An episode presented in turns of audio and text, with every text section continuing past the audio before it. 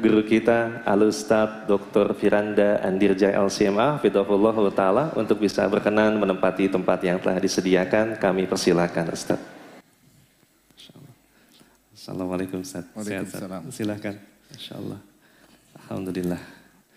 Ustaz, terima kasih banyak atas kesediaan waktu antum kembali meluangkan waktu untuk bisa belajar bersama kami jamaah Dirabanian. Alhamdulillah. Dan kita akan membahas tema yang telah Ustaz siapkan yaitu sabar itu indah kepada Al Ustaz. Kami persilahkan Fadol Mashkurah. Assalamualaikum warahmatullahi wabarakatuh. Waalaikumsalam. Alhamdulillahi ala ihsanih wa syukru lahu ala taufiqihi wa amtinanih wa asyhadu an la ilaha illallah wahdahu la syarika lahu ta'ziman li sya'nih abduhu wa rasuluhu da'ila ridwanih. Allahumma salli alaihi wa ala alihi wa ashabihi wa ikhwanih. Hadirin dan hadirat yang dirahmati oleh Allah Subhanahu wa taala. Alhamdulillah puji dan syukur kita panjatkan kepada Allah yang terus memberikan kita karunia mempertemukan kita dengan bulan Ramadan, diberi kesempatan untuk bisa sujud dan ruku, salat tarawih, bertilawah. Semoga ibadah kita diterima oleh Allah Subhanahu wa taala. Salawat dan salam semoga tercurahkan selalu kepada junjungan kita Nabi Muhammad sallallahu alaihi wasallam dan juga kepada keluarganya serta seluruh sahabat beliau tanpa terkecuali. Topik yang akan kita bahas pada kesempatan kali ini adalah topik yang sangat penting bagi kita semua tentang kesabaran. Karena saya rasa semua kita eh, pasti pernah mengalami ujian. Dan mungkin banyak di antara kita sedang mengalami ujian. Dan yang belum mengalami ujian pasti akan menghadapi ujian. Karena memang hidup di atas muka bumi ini adalah untuk diuji. Allah menciptakan langit dan bumi, Allah menciptakan kita adalah untuk menguji kita. Jadi kita harus tahu bahwasanya kita hidup di dunia ini memang untuk diuji. Makanya Allah Subhanahu wa taala berfirman, "Alladzi khalaqal mauta wal hayata liyabluwakum." Dialah yang menciptakan kematian dan menciptakan kehidupan liyabluwakum untuk menguji kalian. Ayyukum ahsanu amala. Mana di antara kalian yang terbaik amalannya? Allah Subhanahu wa taala juga berfirman kullu nafsin dha'iqatul maut. Setiap yang bernyawa pasti akan merasakan mati. Kemudian kata Allah wa nabluukum bisyarri wal khairi fitnah. Dan kami akan menguji kalian dengan keburukan kami akan uji kalian dengan kebaikan ya wa ilaina turja'un. Dan kepada kamilah kalian akan dikembalikan. Jadi orang yang hidup di atas muka bumi harus siap diuji. Kalau tidak mau diuji, mati saja ya. ya nanti terus diuji di alam barzakh, ujian selanjutnya. Tapi di atas muka bumi pasti diuji, nggak mungkin nggak diuji. Siapa pun diuji. Ada orang diuji dengan suaminya, ada sebagian wanita diuji dengan suaminya. Suaminya kasar, suaminya tidak sayang sama dia, Tiap hari bilang mau poligami, mau poligami, mau poligami. Padahal tidak poligami itu poligami. Menyakiti hati istri ya. Ada seperti itu ya. Ada sebaliknya seorang diuji dengan istrinya ya. Hanya bisa nuntut, tidak melaksanakan kewajibannya sebagai istri. Ada uang abang disayang, tidak ada uang abang ditendang dan, dan ada orang diuji dengan orang tuanya sendiri, ada. Orang tua yang tidak sabar, banyak nuntut, maunya anaknya seperti ini, perbuatannya tidak dihargai, Ya, kalau sekolahnya tidak berhasil dimaki-maki, ada orang diuji orang tuanya. Ada orang diuji anak-anaknya, anaknya nakal, narkoba dan macam-macamnya. Ada banyak wanita diuji dengan mertuanya. Ya. Jadi ujian menimpa siapa saja. Ya. E, dan ujian tatkala menerpa, bukan hanya menerpa orang-orang miskin saja atau orang rakyat jelata. Semua orang diuji. Orang kaya, orang miskin diuji. Ya. Orang terkenal nggak terkenal diuji. Ustadz nggak ustadz semuanya diuji. Laki-laki perempuan diuji. Antum jangan mengira bahwasanya hanya orang-orang kita rakyat jelata yang diuji. Para pejabat, para raja, para presiden mereka juga diuji. Mereka juga susah ya. Terkadang mereka juga stres ya. Terkadang mereka tidak bisa tidur ya. Saya contohkan saya punya kawan dia eh, orang Indonesia di Madinah kerja dulu sebagai eh, apa namanya tukang pijitnya gubernur Madinah. Jadi dia kadang-kadang naik mobil pribadi, kadang-kadang naik pesawat pribadi, ya, karena namanya apa? Eh, sang Amir, sang gubernur. Dia cerita waktu terjadi kasus di Madinah, uh, timbul orang-orang khawarij, orang-orang yang memberontak, kemudian membunuhi sebagian kaum muslimin. Terjadi tembak-tembakan di kota Madinah. Kata kawan saya itu sampai sang amir, sang gubernur tidak bisa tidur tiga hari. Sementara tukang pijitnya tidur tiap hari. jadi jadi ya semuanya diuji. Antum kira raja tidak diuji. Kadang kita lihat wajah raja, raja presiden, raja pejabat. Mungkin mereka ada kenikmatan tapi di balik itu mereka juga mengalami ujian, deg-degan, khawatir, ya macam-macam ya. Macam-macam. Jadi semuanya diuji. Semuanya juga dikasih penyakit. Bukan cuma kita saja yang sakit. Antum kira hanya antum aja yang sakit. Emang raja nggak pernah mencret. Raja juga pernah mencret ya.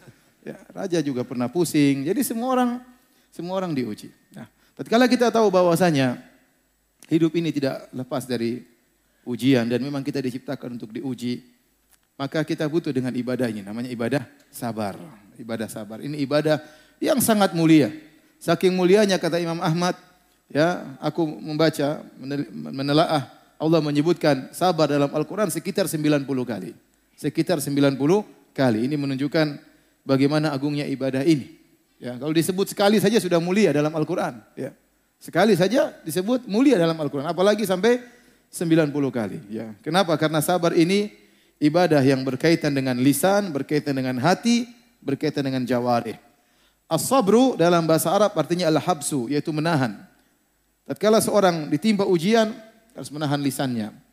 Ya, kemudian dia menahan uh, hatinya, tidak boleh dia suudzon sama Allah, tidak boleh dia protes kepada Allah, ya. Kemudian juga menahan dirinya, tidak boleh dia melakukan perbuatan-perbuatan yang menunjukkan dia tidak setuju dengan takdir Allah Subhanahu wa taala. Makanya Nabi bersabda, "Laisa minna man darabal khududa wa syaqqal juyuba wa da'a bid'awal jahiliyah." Bukan dari golongan kami jika seorang terkena musibah lantas dia menampar-nampar pipinya, dia merobek-robek bajunya dan dia menyuruh dengan seruan jahiliyah. Ya. Jadi sabar ini ibadah yang menggabungkan antara ibadah hati, ibadah lisan dan juga ibadah jawarih. Dia ibadah yang yang sangat agung. Makanya Nabi SAW pernah bersabda, "Wa ma u'tiya ahadun ata'an khairan wa awsa' minas sabar."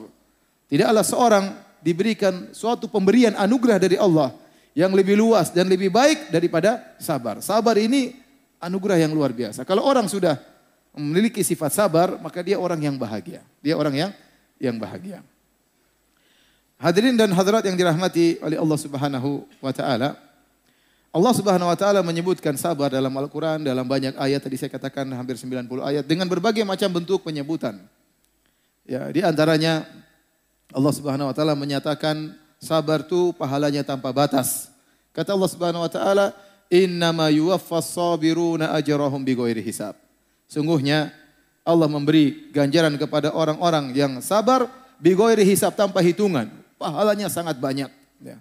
Pahalanya sangat banyak. Jadi untuk harus tahu bahwasanya ibadah itu bukan cuma bukan cuma sholat, bukan cuma puasa, bukan cuma baca Quran, bukan hanya sholat taraweh, bukan hanya sedekah. Sabar itu ibadah yang mulia. Barang siapa yang bersabar, pahalanya tanpa tanpa batas kata Allah Subhanahu wa taala. Demikian juga Allah Subhanahu wa taala memuji orang-orang yang bersabar ya. Kata Allah Subhanahu wa taala banyak ayat di antaranya kata Allah Subhanahu wa taala wa basyiris sabirin. Sebelumnya kata Allah wa nabluwannakum bi syai'im minal khaufi wal ju'i wa naqsin minal amwali wal anfusi wa thamarat wa basyiris sabirin alladzina idza asabatuhum musibatun qalu inna lillahi wa inna ilaihi raji'un. Ulaika alaihim salawatu min rabbihim wa rahmah wa ulaika humul muhtadun. Kata Allah Subhanahu wa taala, "Sungguh kami akan menguji kalian dengan sedikit rasa takut, kelaparan, kekurangan harta, ada nyawa yang hilang dari kerabat yang kita cintai, kekurangan uh, hasil panen buah-buahan. Wa sabirin, berilah kabar gembira kepada orang-orang yang sabar.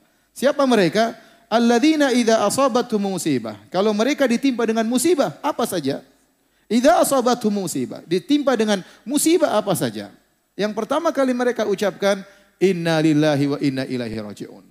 Kami ini milik Allah dan kami akan kembali kepada Allah Subhanahu wa taala. Kata Allah, ulaika alaihim salawatu min rabbihim rahmah. Mereka itulah orang-orang yang memperoleh keberkatan yang sempurna dari Allah. Mereka dipuji oleh Allah Subhanahu wa taala dan mereka mendapatkan kasih sayang Allah Subhanahu wa taala wa ulaika humul muhtadun dan mereka lah orang-orang yang mendapat petunjuk dari Allah Subhanahu wa taala. Allah puji mereka dengan pujian yang luar biasa. Di antaranya ayat-ayat menyebutkan bahwasanya orang yang bersabar bersama Allah Subhanahu wa taala. Kata Allah Subhanahu wa taala, "Wallahu ma'as sabirin." Dalam ayat yang lain, "Innallaha ma'as sabirin." Sungguhnya Allah bersama orang-orang yang sabar. Ya, kalau Allah bersama orang bersabar, artinya Allah akan menguatkan dia. Allah bersama dia bita'yid dengan pertolongan, ya. Makanya waktu Nabi Muhammad sallallahu alaihi wasallam bersama Abu Bakar As-Siddiq dalam goa di Jabal Thawr, kemudian orang-orang musyrikin mengejar mereka dan sudah tiba di mulut goa, Abu Bakar ketakutan, Abu Bakar berkata, "Ya Rasulullah, lau anna ahadahum absara ila tahti qadamaihi la absarana." Seandainya salah satu dari mereka nengok ke bawah, tentu akan melihat kita dalam goa. Apa kata Nabi sallallahu alaihi wasallam? Ya Abu Bakrin ma dhannuka bithnaini? Allahu thalithuhuma. Ya Abu Bakar. Ya Abu Bakar. Bagaimana menurutmu tentang dua orang? Allah bersamanya. Allah bersama kedua orang ini. Allah yang ketiga.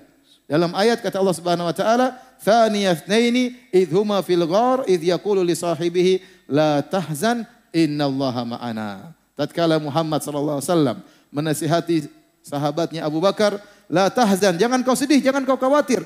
Innallaha ma'ana, Allah bersama kita. Allah bersama kita. Jadi kalau Allah sudah bersama kita dengan kebersamaan yang khusus yang disertai dengan pertolongan, maka jangan khawatir. Jangan khawatir. Makanya waktu Allah Subhanahu wa taala mengutus Musa dan Harun kepada Firaun, kata Allah, "Idhaba ila Firauna innahu tagha." Wahai Musa dan Harun, pergilah kalian menuju Firaun, sungguhnya dia telah melampaui batas. Mereka takut.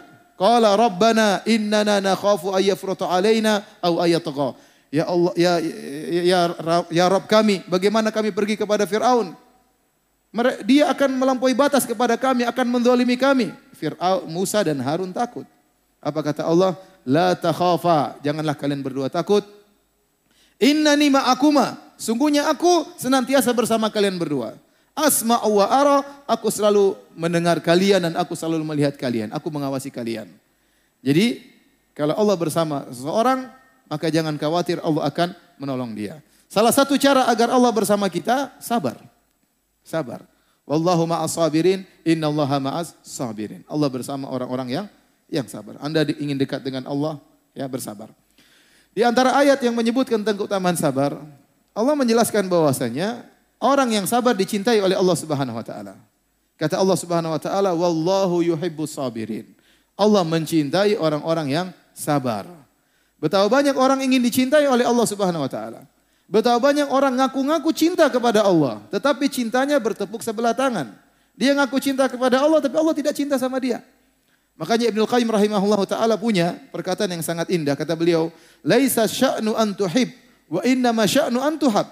Perkaranya bukan engkau mencintai Allah, tapi perkaranya yang penting, apakah kau dicintai Allah? Apa kau dicintai oleh Allah? Tidak.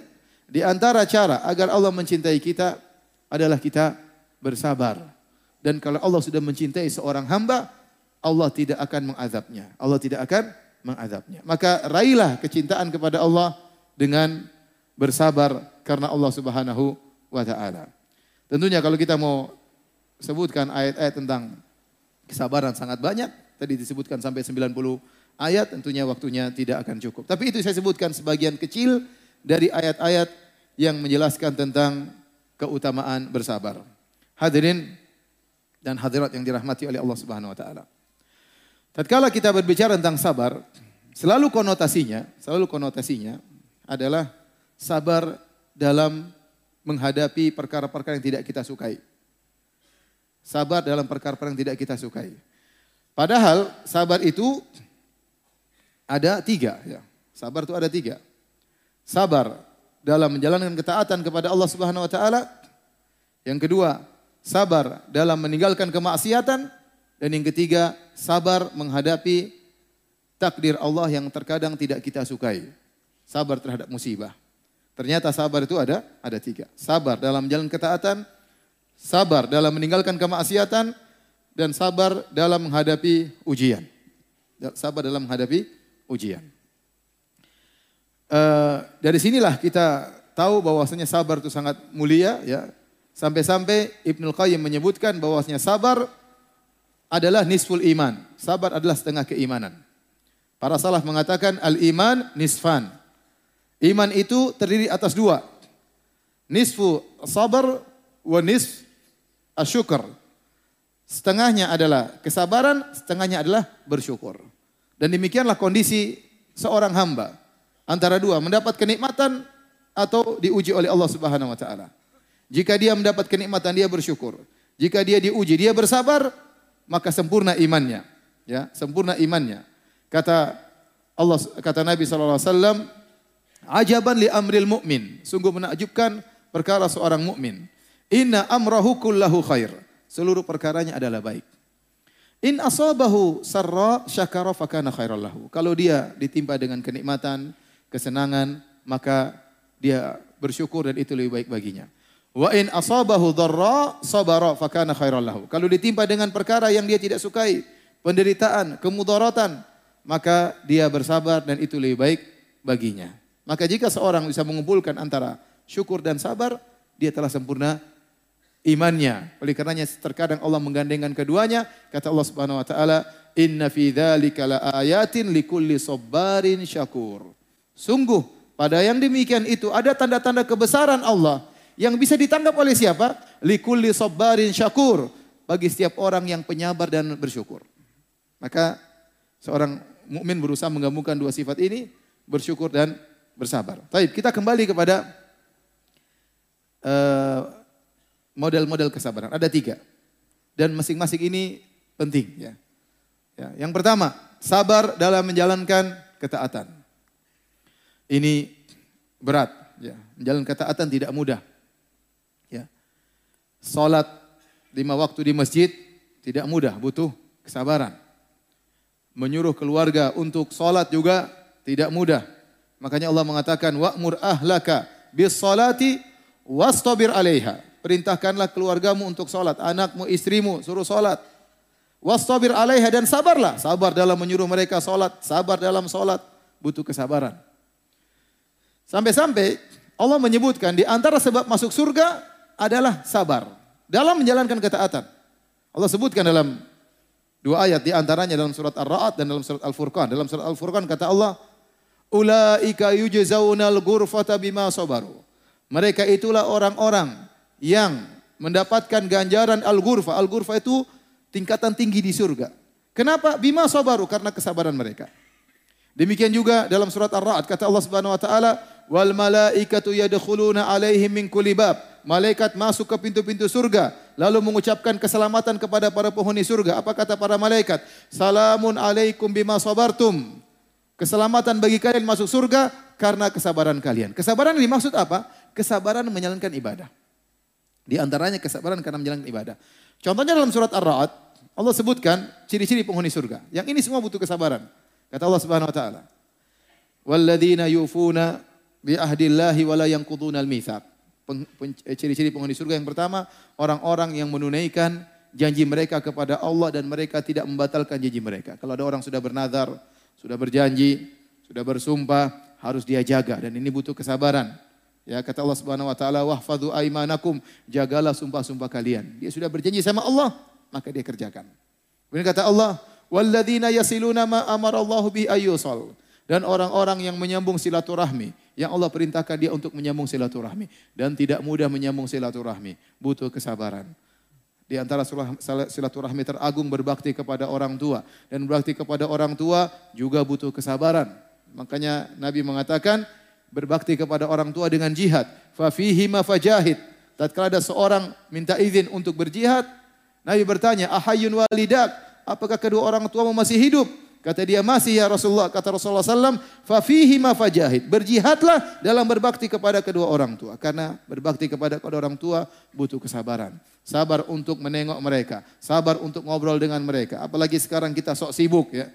So, sibuk sehingga terkadang lupa telepon orang tua, lupa mengunjungi orang tua, tidak sabar untuk ngobrol sama orang tua. Kalau telepon sama orang tua cepat-cepatan, butuh kesabaran. Ada rezeki berikan kepada orang tua, ini semua butuh kesabaran. Menyambung silaturahmi, berinteraksi dengan kakak, dengan adik, dengan sepupu, dengan tante. Ini juga butuh kesabaran. Betapa sering terjadi cekcok antara kakak dan adik. Cekcok antara sepupu, antara kak, tante dengan om. Ini butuh kesabaran. Sebagian orang mengeluh kepada saya, dia bilang, Ustadz, saya ini ya kalau kasih uang sama adik-adik saya, dibilang sombong. Dibilang sombong. Kalau enggak kasih uang, dibilang pelit. Subhanallah. Ya. Jadi sabar. Ya. Silaturahmi butuh apa? Kesabaran. Ya. Walladzina sabaru butigha'a wajhi rabbihim wa aqamus salata wa anfaqu mimma razaqnahum sirra wa alaniyah wa yadra'una bil hasanati sayyi'ah. Ini ciri-ciri penghuni surga.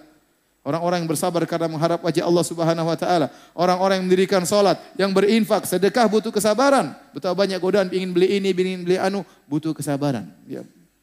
Kemudian membalas keburukan dengan kebaikan kata Allah juga sangat butuh kesabaran. Ini semua butuh kesabaran. Ini dalam surat Ar-Ra'd. Di akhir ayat kata Allah, malaikat berkata, "Salamun alaikum bima sabartum." Selamat masuk surga atas kesabaran kalian. Waktu Allah Subhanahu wa taala sebutkan tentang ciri-ciri ibadur rahman dalam surat Al-Furqan yang tadi diakhiri dengan ulaika yujzaunal ghurfata bima sabaru. Mereka itulah orang-orang yang ya diberi ganjaran gurfah, surga yang tinggi karena kesabaran mereka. Kita lihat apa ciri-ciri mereka? Semuanya butuh kesabaran. Wa ibadur rahmanil ladzina yamshuna alal ardi hauna. Hamba-hamba Ar-Rahman yang berjalan di atas muka bumi dengan tawadhu. Tidak sombong, tidak angkuh. Mentang-mentang punya rumah mewah, mentang-mentang punya mobil mewah, mentang-mentang punya motor mewah, berjalan sombong, angkuh, gagah-gagahan. Enggak, mereka bersabar. Kemewahan tidak membuat mereka menjadi sombong. Haunan, tawadu di hadapan manusia yang lain. Ini butuh kesabaran.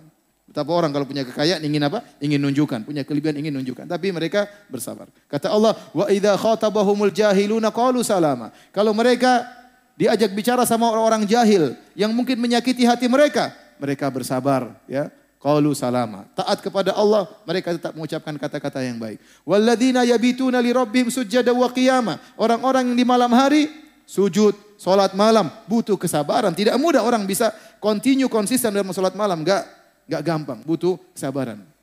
Ya. Dan seterusnya, Allah sebutkan ciri-ciri mereka. Oleh karenanya saya katakan, menjalankan ketaatan butuh kesabaran. Butuh kekuatan iman. Saya selalu ingat tentang cerita Syekh Abdul Razak hafizahullah taala. Beliau bercerita tentang bagaimana seorang bersabar dalam sholat malam. Beliau cerita, saya punya guru orang Indonesia, kata Syekh Abdul Razak. Yang guru tersebut, saya tidak pernah mengenal dia dan dia tidak pernah mengenal saya.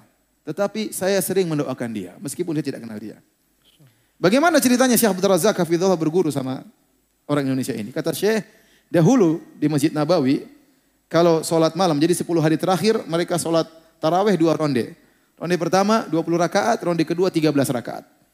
Sekarang masih terus berlanjut. Tapi bedanya dulu, kalau ronde kedua yang 13 rakaat sampai 3 juz kalau tidak salah. Kalau sekarang cuma satu juz seperempat. Jadi ronde kedua kita sholat dari jam 1 sampai 3 seperempat. Itu saya dapat sejak tahun 2001 waktu saya ke Madinah. Ronde pertama paling 2 jam, 20 rakaat. Yang kedua dari jam 1 sampai jam 3 seperempat. Nah dulu mungkin 20 tahun lalu, 30 tahun lalu, kalau sudah ronde kedua sampai berjus-jus, mungkin dua jus, mungkin tiga jus. Kata saya, saya pernah sholat malam di Masjid Nabawi. Tiba-tiba qadarullah, Allah mentakdirkan, ada orang Indonesia datang di depan saya persis. Dia datang dengan pakai tongkat. Kakinya cuma satu, cacat. Begitu datang sampai depan saya, kemudian dia meletakkan tongkatnya. Sholat persis depan saya. Dan dia sholat bertahan sampai berjam-jam, padahal kakinya cuma satu. Sejak, sejak saat itu saya ngerti bahwasanya kekuatan itu bukan kekuatan jasad, tetapi kekuatan iman. Ini orang kalau secara fisik tidak kuat, tapi imannya membuat dia bisa sabar, taat kepada Allah, mungkin dua jam, mungkin tiga jam, sholat dengan kaki satu. Betapa banyak orang badannya gede, berotot, ya mungkin juara olahraga, tapi bangun untuk sholat subuh nggak kuat, nggak kuat. Untuk membuka matanya nggak kuat, apalagi mengangkat apa? Kepalanya nggak kuat. Jadi kekuatan yang sungguhnya adalah iman. Bukan kekuatan fisik.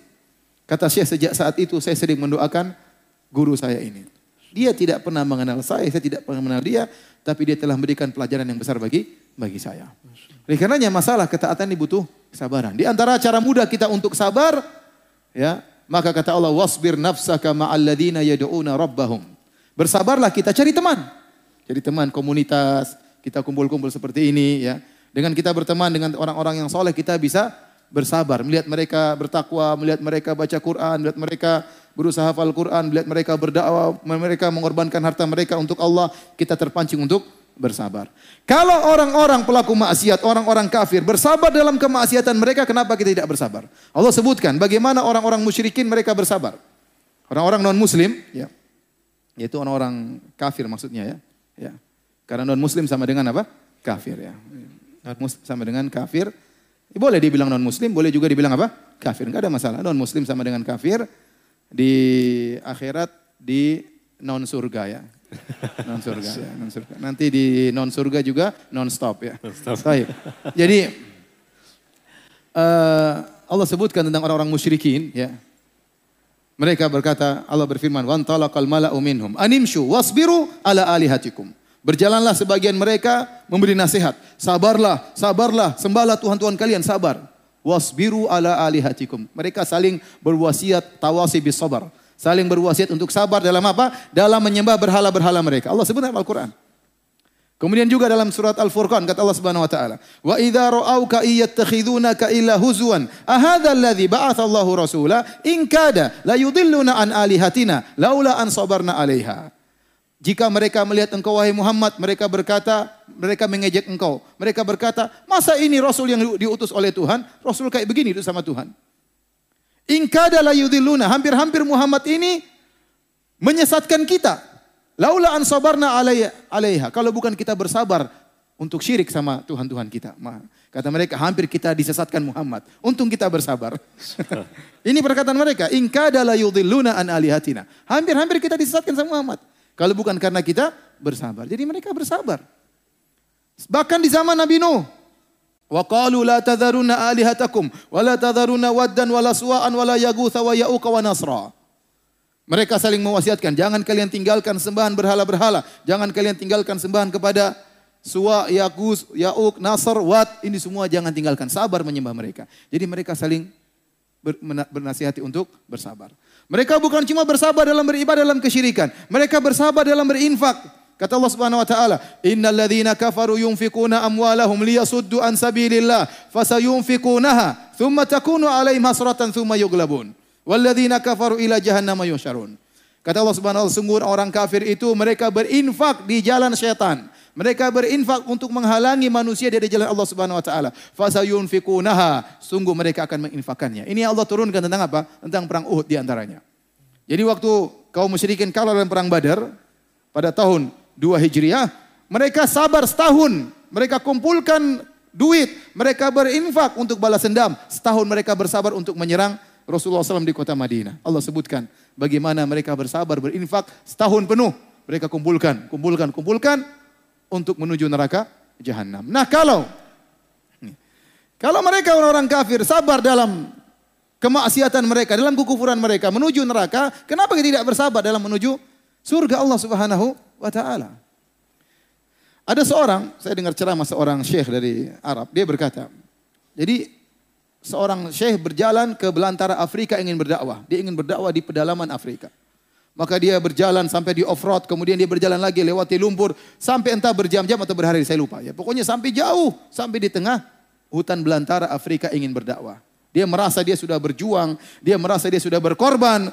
Ternyata sampai di sana, dia dapat seorang wanita misionaris sudah bertahun-tahun tinggal di situ. Masya Allah, kalah sabar rupanya. Sabar. Luar biasa. Jadi jangan ente sangka ente aja yang sabar. Ya akhi ya ukhti, al-muslimah. Ya. Non-muslim juga bersabar dalam menyerukan kepada kekufuran kemaksiatan. Bahkan sebagian orang bermaksiat sabar. Ya, kalau ada dulu seorang wanita mungkin di suatu kampung, kampungnya masih baik, masih orang banyak berjilbab, masih penuh kesopanan. Tiba-tiba ada orang pulang mungkin dari Jakarta, pergi ke kampung, perempuan berubah akhlaknya, ya karena terkontaminasi di Jakarta, pulang-pulang tahu-tahu pakai baju you can see, rock you can see, semuanya you can see ya. Pakai baju kekecilan semuanya ya. Kelihatan mohon maaf mungkin pahanya, kemudian dia berjalan keluar dari rumahnya. Waktu dia keluar dari rumahnya pasti orang maki-maki. Itu anak siapa itu? Enggak punya malu, enggak punya malu. Tapi dia bersabar. dia bersabar, bersabar, bersabar. Akhirnya banyak pengikutnya. Jadi hadirin, hadirin hadirat Allah Subhanahu Wa Taala. Kita ini bersabar dalam ketakwaan yang pelaku maksiat aja bersabar. Kenapa kita tidak bersabar dalam jalan ketaatan? Ini sabar yang pertama. Ya sabar dalam jalan ketaatan. Yang kedua adalah sabar dalam meninggalkan maksiat. Ini juga sangat luar biasa. Ini sabar dalam meninggalkan maksiat ini berat terutama zaman now. Ya. Terutama zaman now, cewek-ceweknya cewek-cewek zaman now. Laki-laki terutama hati-hati ya. Zaman sekarang zaman fitnah. Butuh kesabaran meninggalkan maksiat, butuh kesabaran menundukkan pandangan. Ya. Butuh kesabaran menundukkan pandangan. Ini butuh kesabaran ekstra luar biasa terutama zaman zaman sekarang ya. Karena meninggalkan maksiat ini ya tidak tidak mudah. Sekarang fitnah di mana-mana. Oleh karenanya ya, contoh yang paling indah adalah contoh yang disebut oleh Allah Subhanahu wa dalam Al-Qur'an tentang Yusuf alaihissalam. Antum sering dengar bagaimana Yusuf diuji alaihissalam diuji dengan ujian yang luar biasa. Sampai kata para ulama, di antaranya Syekhul Islam Taimiyah rahimahullah taala, ujiannya Yusuf waktu dilempar di sumur masih lebih ringan daripada dia diuji waktu digoda oleh Zulekha. Kenapa? Waktu dia dilempar di sumur itu dia ittirari, terpaksa, dia tidak ada pilihan lain. Sehingga dilempar dalam sumur terpaksa bersabar. Tetapi tatkala diuji oleh Zulekha dia punya pilihan. Pilihan meninggalkan maksiat atau pilihan bermaksiat. Sabrun ikhtiari disebut dengan sabar pilihan. Nah sabar pilihan lebih afdal daripada sabar ittirari, sabar terpaksa. Ibnu Taimiyah sebutkan bahwasanya sabarnya Yusuf waktu digoda oleh Zulekha lebih afdal daripada sabarnya waktu dilempar dalam apa? Dalam sumur. Kenapa waktu dia diuji oleh Zulekha, diuji dengan berbagai macam ujian. Di antaranya Zulekha sangat cantik jelita. Dia adalah istri menteri. Tidak mungkin menteri pilih istri jelek. Itu menteri nggak beres kalau pilih istri yang jelek ya. Pasti dia milih istrinya cantik. Zulekha ini pasti cantik. Sudah dia cantik, kemudian dia menghiasi dirinya dengan kecantikan. Cantik di atas kecantikan, cahaya di atas cahaya. Zulekha. Kemudian tidak ada yang lihat. Wa ghallaqatil abwab. Semua pintu-pintu sudah dia kunci. Yang pegang kuncinya si Zulekha. Coba. Enggak ada yang lihat, santai aja. Mau maksiat enggak ada yang yang lihat. Kemudian apa lagi? Dia yang merayu, Zulekha yang merayu. Ya akhi betapa banyak laki-laki dia nggak dia malu goda perempuan, dia nggak pede. Tapi waktu perempuan yang mulai goyang dia. Imannya goyang, jenggotnya goyang. Kenapa ceweknya yang mulai? Waduh, ya, ternyata saya oke okay juga ya. Subhanallah, belum lagi Yusuf tampan. Orang tampan pede, dia tidak. Kalau nggak tampan ya udah malu-malu minder. Kalau tampan depan perempuan pede ya. Nabi Yusuf alaihissalam sangat tampan luar biasa. Ya. Berbagai macam godaan. Belum lagi Nabi Yusuf masih muda. Gejolak syahwat seorang pemuda lebih berkobar daripada yang sudah tua. Kecuali tua-tua keladi. Kemudian lagi belum lagi Nabi Yusuf gorib jauh. Namanya orang jauh lebih mudah bermaksiat. Betapa banyak orang di Indonesia seperti orang alim. Tapi kalau dia sudah bersafar ke Eropa, dia puas-puaskan maksiatnya. Saya pernah ketemu teman, dia suatu, di suatu negara. Di situ dia ada hotel, Ya, di situ surga dunia. Perempuan model apa saja ada. Mau cewek dari mana saja ada, ya. Mau dari Rusia, mau dari Eropa, mau dari Afrika, semuanya ada. Maka dia bilang sama kawan saya, "Ya, akhi, kapan lagi kita bisa ngerasain koktail semua ini?" Kapan lagi? Ya udah lupa dia. Ya udah lupa. Udah lupa dengan istrinya, lupa dengan anaknya, ya. Kenapa? Dia di luar sana, di luar luar negeri. Jadi kalau orang di luar terkadang berani maksiat daripada tatkala di kampung sendiri. Yusuf alaihissalam gorib, dia asing. Dia di Mesir sementara keluarganya di mana? Di Palestina. Jadi ini di antara ya godaan-godaan namun Yusuf bayangkan apa yang dilakukan, dia kemudian lari. Kenapa dia lari? Kata para ulama dia takut. Sampai kapan dia bisa bertahan? Sampai kapan dia bisa bersabar? Sementara kata Allah wala qad hammat bih wa hamma biha. Sang Zulekha sudah kebangetan, kebelet sama Yusuf, Kata Allah wa hamma biha, Yusuf pun sudah tergerak. Bukan apa, dia dia tidak bisa tahan, dia dia laki-laki. Ya sama kalau kita lapar lihat lihat makanan ya pasti kita kepingin ya. Yusuf di depan dia perempuan sudah sudah tinggal tinggal dia lakukan. Makanya dia kabur kemudian dia lari meninggalkan wanita tersebut. Subhanallah ini ujian sangat luar biasa. Siapa pemuda di zaman sekarang bisa bisa seperti Nabi Yusuf alaihissalam? Subhanallah. Jangankan digoda sama perempuan cantik, sama perempuan pas-pasan aja KO dia. Apalagi kata orang, ya rumput tetangga lebih hijau, benar. Istri kita cantik ya, kita lihat perempuan mungkin kurang cantik. Tapi setan membuat menghiasi seakan-akan perempuan yang kurang cantik itu lebih cantik daripada istri kita. Padahal istri kita lebih cantik. Sehingga kita lihat lebih cantik perempuan daripada istri kita. Apalagi kalau ternyata lebih cantik dari istri kita. lebih bahaya lagi. Jadi luar biasa ya. ya. Tapi ada cerita. Ini cerita di kejadian di Universitas Islam Madinah. Saya diceritain sama kawan saya. Saya tidak menghadiri kejadian tersebut. Tapi saya diceritain oleh kawan saya orang Libya. Jadi kita di Madinah. Eh, orang-orang tinggal sekamar. Satu kamar tiga orang. Ada empat orang. Dan biasanya di, dicampur. Tidak boleh Indonesia semuanya. Enggak. Kalau Indonesia semuanya nanti bahasa Arab tidak berkembang. Ngomongnya Indonesia terus ya. Jadi dicampur. Saya dulu tetangga saya satu kamar itu dikasih petak-petak. Saya tetangga saya orang Afrika sama orang Bangladesh ya. Terkadang ganti, ini ganti tangga orang Sudan dan macam-macam. Nah, ada suatu uh, ruangan di situ kamar. Kebetulan di situ ada Afrika, satu kamar dengan orang Rusia. Dan kita belajar di sana sembilan bulan. Sembilan bulan nanti baru libur tiga bulan. Saya waktu sudah berkeluarga. Jadi saya pergi di Madinah, kemudian saya belajar sembilan bulan. Sedih luar biasa meninggalkan istri sembilan bulannya. Antum tidak merasakan. Nanti setelah itu tiga bulan baru saya ketemu istrinya. Nanti setelah tiga bulan lagi happy-happynya balik lagi sembilan bulan. Berat. Terus saya pulang lagi tiga bulan sudah punya anak. Alhamdulillah. Masya Allah. Ya, kadang-kadang saya mau telepon istri, zaman dulu orang tidak punya telepon, telepon harus pakai wartel dan itu mahal, satu menit 14 real dulu. Bayangkan, duit kita berapa satu menit 14 real. Supaya murah, saya bangun tengah malam, jam 2 saya telepon. Bukan buat sholat malam, buat telepon istri. Kenapa? Karena kortingannya 50 persen. Jadi intinya ini sekedar intermezzo aja. Kemudian intinya, satu kamar ini ada Afrika, ada Rusia. Biasa kalau kita mau pulang, kita beli oleh-oleh buat istri. Saya biasa belikan abaya, belikan cadar, beli macam-macam buat istri. Uh, tiga bulan libur. Nah, orang Rusia ini sekamar dengan orang Afrika. Orang Rusia ini dia ingin pulang, maka dia beli oleh-oleh buat istrinya Belilah dia cadar dan baju abaya. Rupanya dia pakai di kamar. Dia tes. Rusia, mungkin jenggot panjang segala ya tes. Pakai tes dia pakai cadar. Dia lagi pakai baju cadar, pakai tahu-tahu temannya Afrika datang. Maka dia goda, bercanda dia. Si Afrika ketakutan. Lah, enggak, enggak. Enggak katanya. Masya Allah, Yusuf Afrika. Sampai sebagian teman menggelarinya Yusuf Afrika. Dia lari-lari-lari ketakutan. Masya Allah. Ada di zaman sekarang. Ya. Luar biasa. Jadi para hadirin hadirat yang mati Subhanahu wa taala. Sabar meninggalkan kemaksiatan di zaman sekarang tidak mudah. Berat. Berat. Tapi kita perlu perjuangan agar kita bisa menghindarkan diri daripada kemaksiatan tersebut. Ada beberapa hal disebut oleh para ulama. Bagaimana agar kita bisa menghindarkan diri daripada maksiat. Ini berat, tapi kita harus hadapi.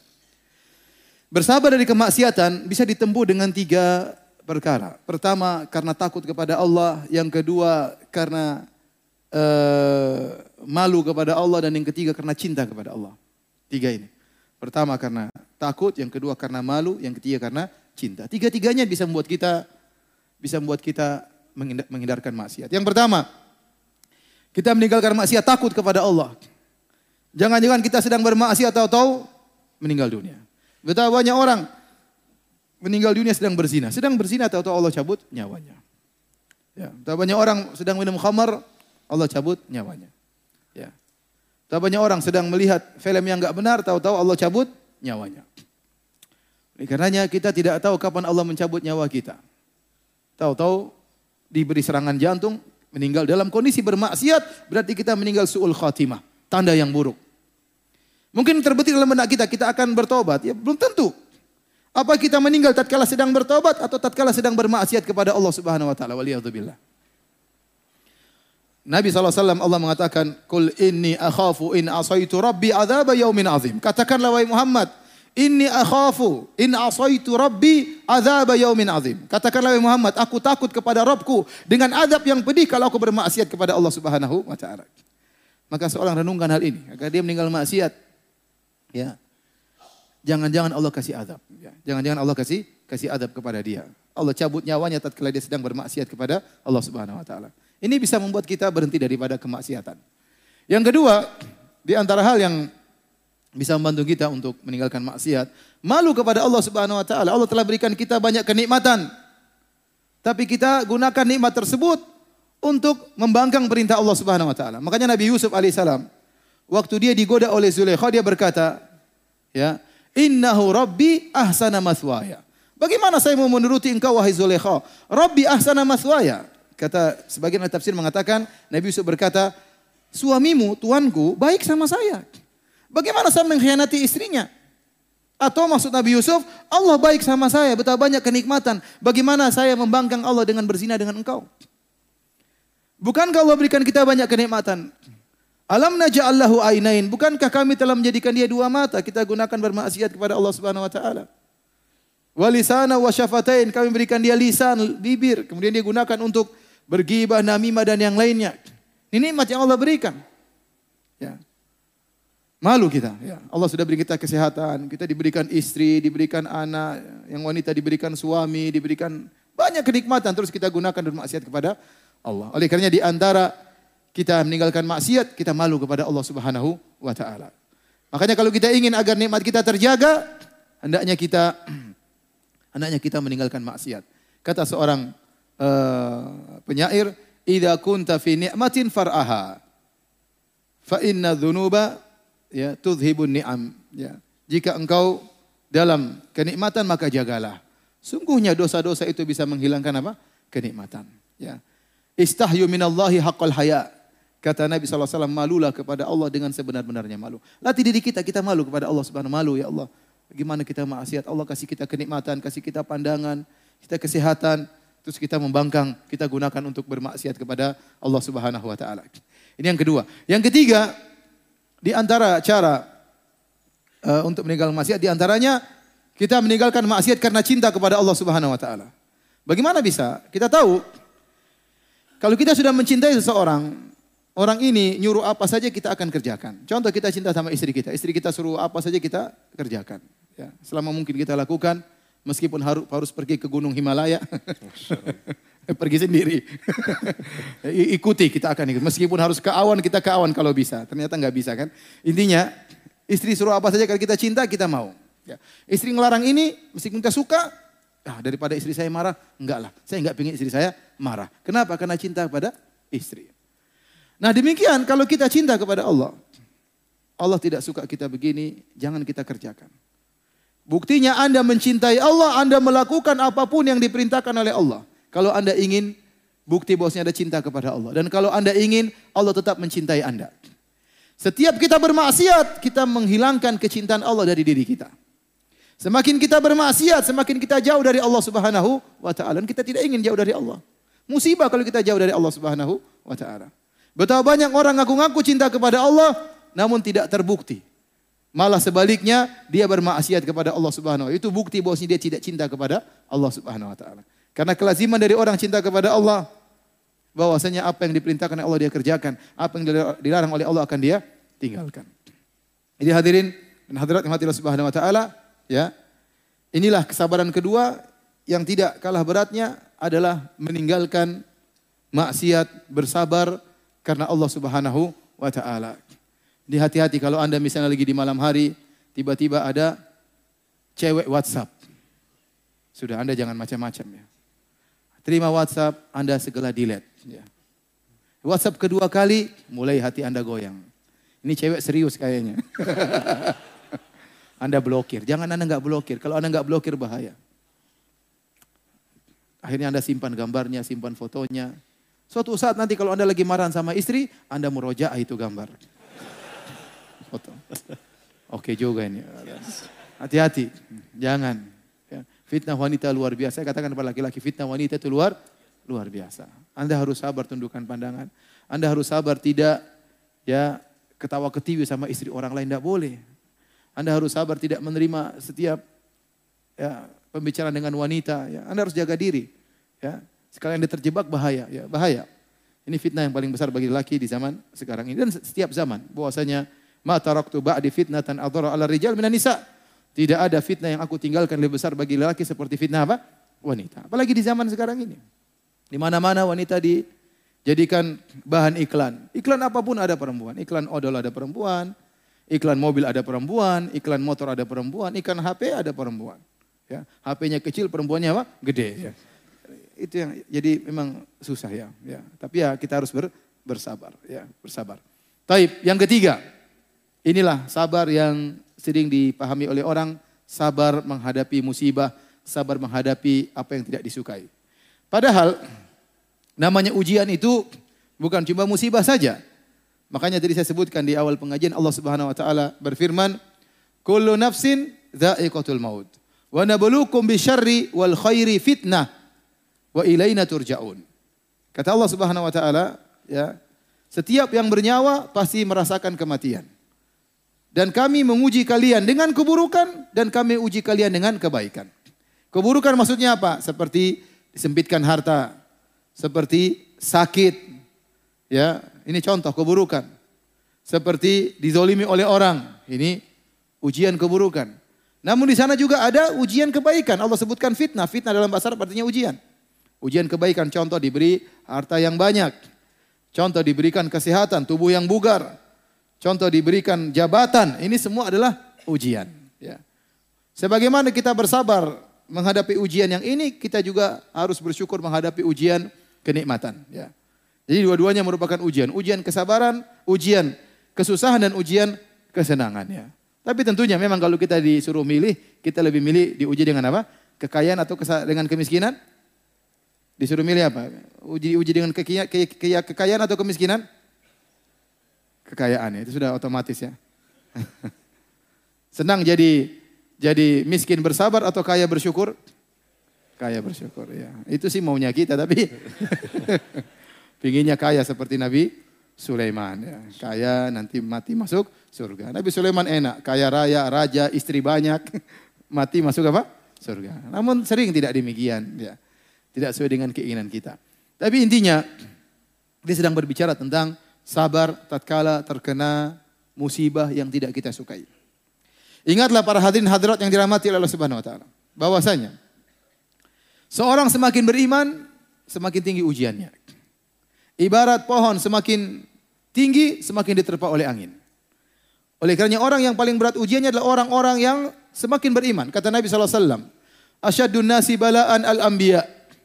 Orang yang paling berat ujiannya adalah para nabi. Thumma salihun, kemudian orang-orang saleh. Thumma al-amthal fal-amthal, kemudian selanjutnya dan selanjutnya. Yubtala rajulu ala qadri imanihi. Seorang diuji berdasarkan tingkatan imannya. In kana fi imanihi salabatun zida fi balaihi. Kalau ternyata imannya kokoh waktu diuji, Allah tambah lagi ujiannya. Wa in kana fi imanihi riqatun khufifa anhu. Tatkala diuji imannya lemah, Allah turunkan level ujiannya. Idza ahabballahu qauman ibtalahum. Kata Nabi jika Allah mencintai sebuah kaum, Allah akan uji mereka. Jadi iman sesuai dengan ujian sesuai dengan kadar keimanan. Makanya kalau antum tanya siapa orang paling diuji? Nabi Muhammad wasallam. Ujiannya luar biasa. Saya ceritakan sebagian ujian Nabi SAW. Biar antum tahu bahwasanya masuk surga tidak semudah yang dibayangkan. Perlu perjuangan. Nabi SAW lahir dalam kondisi yatim. Sudah nggak punya bapak. Kemudian dia dipelihara di Taif bersama ibu susuannya. Kemudian diambil lagi oleh ibunya. Bisa dari ibunya. Kemudian baru tinggal sama ibunya. ya Sampai dia berumur 6 tahun. Waktu dia umur 6 tahun, Ya lagi sayang-sayangnya kepada ibunya. Dia baru bertemu dengan ibunya dua tahun. Karena dia tinggal di Taif sampai empat tahun. Rasulullah SAW dua tahun mau diambil sama ibunya. Uh, siapa namanya uh, Halimah Sa'diyah melarang jangan. Karena waktu Nabi bersama dia banyak keberkahan. Hanya ditahan sampai empat tahun. Setelah empat tahun baru diambil oleh ibunya. Kemudian ditinggal bersama ibunya. Lagi dia sayang-sayang sama ibunya. Suatu hari ibunya pergi ke kota Madinah. Mengunjungi kerabatnya kemudian pulang menuju kota Mekah, di tengah perjalanan suatu tempat namanya Abwa, ibunya meninggal di situ. Sakit kemudian meninggal dunia. Bayangkan si kecil Muhammad wasallam melihat ibunya sakit sampai meninggal. Ini ujian luar biasa dan dia dalam kondisi sendiri. Ibunya tidak meninggal di Madinah tempat kerabatnya atau tidak meninggal di Mekah tempat om-omnya. Seandainya meninggal di Mekah tentu omnya akan datang, om-omnya akan datang memeluk dia. Seandainya meninggal di Madinah mungkin kerabatnya akan datang. Lagi safar di tengah perjalanan meninggal dunia. Abwa umur enam tahun, lihat ibunya sakit sampai meninggal, tidak ada keluarga sama sekali. Bayangkan, bagaimana beratnya ujian Rasulullah Sallallahu Alaihi Wasallam. Kemudian Rasulullah SAW tinggal bersama kakeknya sampai 8 tahun, kemudian tinggal bersama pamannya Abu Talib. Abu Talib seorang yang miskin. Sehingga Nabi SAW di antara kegiatannya mengembalakan kambing, membantu pamannya. Masih kecil Nabi kerja, mengembalakan kambing. Kambing milik orang, dapat kororit. Sedikit upah untuk dia bantu pamannya. Kemudian akhirnya Rasulullah SAW pada usia 25 tahun menikah dengan seorang wanita Khadijah radhiyallahu taala anha. Kemudian Nabi tinggal bersama Khadijah selama 25 tahun. Betapa cintanya Nabi kepada Khadijah sampai Nabi berkata, "Ini qad ruziktu hubbaha." Aku telah dianugerahi oleh Allah mencintai Khadijah. Kenapa Nabi begitu cinta sama Khadijah? Karena Khadijah wanita sangat soleha, istri sangat soleha. 25 tahun tidak pernah angkat suara di hadapan Nabi Wasallam. Apakah ada istri yang seperti zaman now? Ya. Tidak pernah angkat suaranya. Ya. Kalau ada saya kasih HP. ada yang istrinya nggak pernah angkat suaranya? Luar biasa, 25 tahun tidak pernah angkat suaranya. Selalu sayang kepada Nabi. Teman curhat Nabi, Nabi di luar dimaki-maki sama orang musyrikin. Dituduh orang gila, dituduh penyihir, dituduh dukun, dituduh majnun, dituduh macam-macam pembohong. Padahal Nabi dari kalau kita katakan dari nasab yang sangat tinggi. Tetapi dituduh dengan tidak tidak. Dia butuh teman curhat. Di mana di rumahnya Khadijah radhiyallahu taala anha. Ini Nabi sangat cinta kepada Khadijah. Bagaimana bagaimana patuhnya Khadijah waktu Nabi SAW pertama kali dapat wahyu. Nabi SAW tiba-tiba hubiba ilaihi al-khala. Rasulullah SAW ingin bersendirian. Maka dia minta izin, minta izin sama istrinya ingin berholwat pergi ke Gua Hira, minta bekal. Istrinya enggak tanya macam-macam. Mas, mas, udah sini aja mas. Nang kene wae mas. Lapor, sana jauh-jauh naik gunung, jauh-jauh naik gunung 600 meter ngapain mas? Enggak, dia bikinkan bekal, dia kasih sama Nabi SAW, Nabi pergi, bayangkan. Nabi naik sampai di atas, Nabi berdiam sana berhari-hari, bekal habis, Nabi pulang lagi. Minta bekal lagi. Khadijah bikin lagi. Subhanallah. Selamat jalan suamiku. Pergi lagi. Bekal habis, pulang lagi, minta kasih lagi. Tidak protes. Tidak protes. Subhanallah. Ya. Kemudian sampai akhirnya Nabi di Gua Hira. Kemudian malaikat Jibril datang memeluknya, melepasnya meluknya. Nabi ketakutan. Sampai Nabi gemetar. Nabi pulang. Pulang dari gunung ketakutan ketemu istrinya. Nabi berkata langsung, Zammiluni, zammiluni. Selimuti aku, selimuti aku, wahai istriku. Khadijah juga tidak banyak ngomong. Langsung ambil selimut. Subhanallah. Tidak mengatakan, apa dulu mas? Tunggu dulu mas. Apa ada mas? Tunggu mas, sebentar mas. Tunggu dulu. Saya kan sudah bilang, ngapain ke sana? Coba begini akhirnya. Makanya nurut sama istri. Jangan bilang gue banget ya, jangan. Jadi bayangkan luar biasa. Ambil selimut, selimut selesai. Setelah Nabi tenang baru Nabi ngomong sendiri. Laqad khasyitu ala nafsi. Teman curhatnya, tempat curhatnya. Aku khawatir suatu buruk keburukan menimpa pada diriku. Apa Khadijah? Kata Khadijah menenangkan suaminya.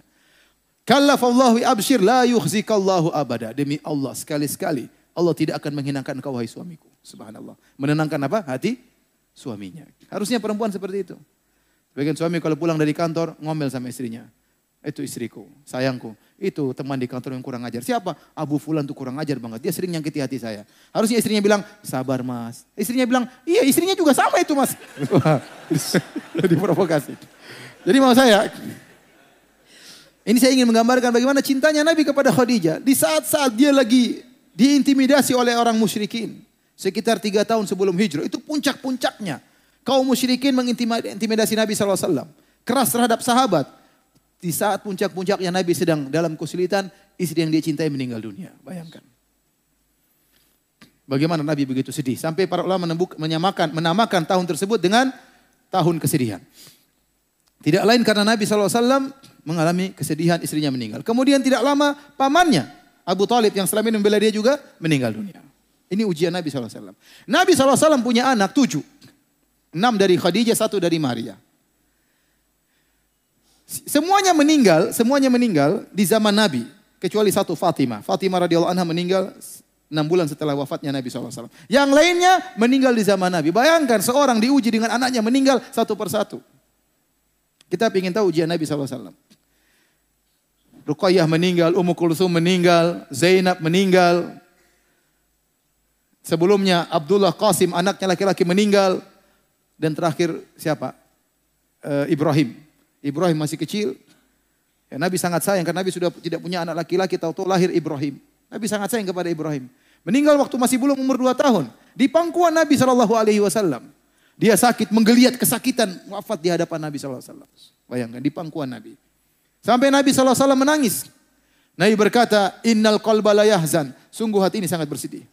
Wa innal aina la tadma dan sungguh mata ini mengeluarkan air mata. Wala naqulu illa bima yurdi rabbana namun kami tidak mengucapkan kata-kata kecuali yang mendatangkan keriduan Rabb kami. Wa inna bi firaqika ya Ibrahim la mahzunun. Sungguh kami dengan kepergianmu wahai putraku Ibrahim sangat bersedih. Ini ujian Nabi wasallam.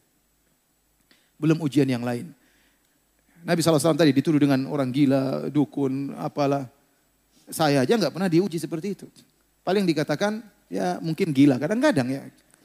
Dikatakan pendusta, kadang-kadang. Tapi belum ada yang bilang saya penyihir. Belum ada yang bilang saya dukun ya. Mudah-mudahan nggak ada ya.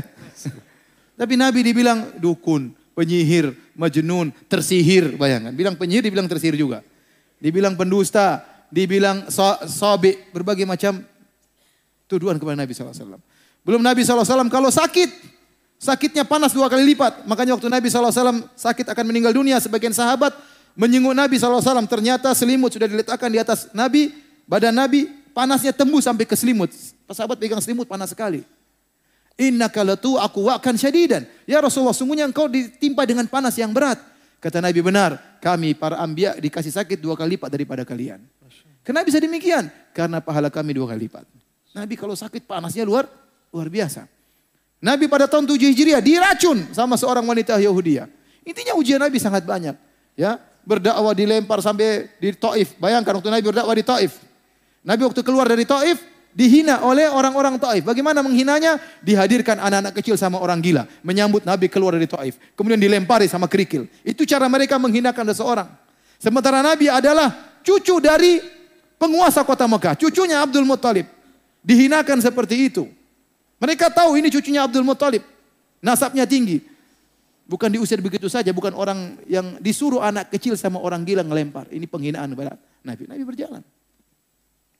Nabi tatkala perang Uhud sampai terluka, sampai darahnya keluar dari pipinya, sampai giginya patah, sampai Fatimah radhiyallahu anha ingin mencuci darah dari pipi Nabi tidak berhenti-berhenti sampai akhirnya ada suatu yang tumbuhan dibakar baru dimasukkan dalam lubang di pipi Nabi sallallahu alaihi wasallam baru berhenti darah. Jadi ujian sangat sangat banyak ya. Ini ini menunjukkan bahwasanya seorang beriman semakin tinggi imannya, semakin banyak ujiannya. Makanya Imam Syafi'i rahimahullah taala punya satu syair yang menunjukkan dia banyak ujian. Meskipun dia tidak ungkapkan ujiannya apa. Tapi dia berkata dalam syairnya, Mihanuz zamani kathiratun la tanqadi wa sururuhu ya'tika kal a'yadi. Sungguhnya ujian kehidupan zaman ini datang begitu banyak silih berganti, tidak berhenti-berhenti. Adapun kesenangan datang kepada datang kesenangan datang sesekali seperti hari raya. Hari raya cuma sekali-sekali. Ini menunjukkan Imam Syafi'i diuji dengan ujian yang sangat yang sangat banyak. Rahimahullahu taala. Oleh karenanya para hadirin dan hadirin Allah Subhanahu wa taala seorang ya beriman pasti diuji. Tidak mungkin dia tidak di, diuji, ya. Pasti diuji, ya. Dengan ujian yang Allah kehendaki bagi dia dalam rangka untuk mengangkat derajatnya atau dalam rangka untuk menghapuskan uh, dosa-dosanya. Maka pada kesempatan kali ini saya akan menyebutkan beberapa perkara yang kita semoga bisa bersabar tatkala diberi ujian oleh Allah Subhanahu wa taala. Perkara-perkara tersebut yang pertama, kalau kita dikenai musibah oleh Allah Subhanahu wa taala, kita harus yakin bahwasanya musibah ini sudah ditakdirkan oleh Allah. Sudah dicatat di Lauhil Mahfuz. Kata Nabi SAW, Inna Allah kataba maqadir al-khalaiq qabla an yakhluqa samawati wal ardi bi khamsina alfasana. Sungguhnya Allah telah mencatat takdir seluruh makhluk 50 ribu tahun sebelum Allah ciptakan langit dan bumi. Tidak mungkin kita terhindar dari musibah tersebut. Kata Nabi SAW, wa ma asabaka lam yakun liyukhti'ak. Kalau ada sesuatu yang menimpamu tidak mungkin meleset darimu, tidak mungkin kau bisa menghindar. Wa ma akhta'aka lam yakun liyusibak. Kalau ada yang tidak mengenaimu tidak akan mengenaimu. Ya, jadi kalau sudah ditakdirkan oleh Allah musibah ini pasti terjadi nggak mungkin kita menghindar, nggak mungkin, nggak mungkin kita menghindar. Tahu-tahu ternyata kita didolimi orang, tahu-tahu mobil kita dicuri orang, ya sudah, ini sudah ditakdirkan. 50 ribu tahun bukan sebelum kita diciptakan. Sebelum Allah menciptakan langit dan bumi. Sudah ditakdirkan si fulan pada hari ini mobilnya dicuri. Kalau antum pulang ke rumah tahu-tahu istri antum ngomel-ngomel. Antum bilang sudah ditakdirkan. 50 ribu tahun sebelum Allah menciptakan langit dan bumi, memang ditakdirkan kau ngomel sama saya. Sudah ditakdirkan, sudah ente tenang. Enggak terlalu marah-marah, udah udah ditakdirkan, sabar. Enggak mungkin kita menghindar dari ya takdir tersebut. Namun jangan disalahpahami. Bukan berarti kalau kita bersabar kita pasrah, ini salah paham. Kita terkena musibah, kita berusaha menghadapi musibah tersebut. Contoh, kalau kita sakit bukan berarti pasrah, berobat. Tadawu ibadallah, berobatlah kalian. Makanya sabar itu bukan sama dengan pasrah, bukan. Sabar itu nerima takdir Allah, tidak protes, namun berusaha cari solusi, itu sabar.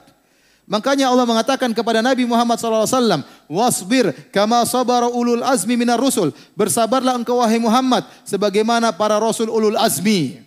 Nah, azm dalam bahasa Arab itu tekad. Tekad. Nah, para rasul disifati oleh Allah dengan dua, sabar dan ulul azm. Sabar dan pemilik tekad yang kuat.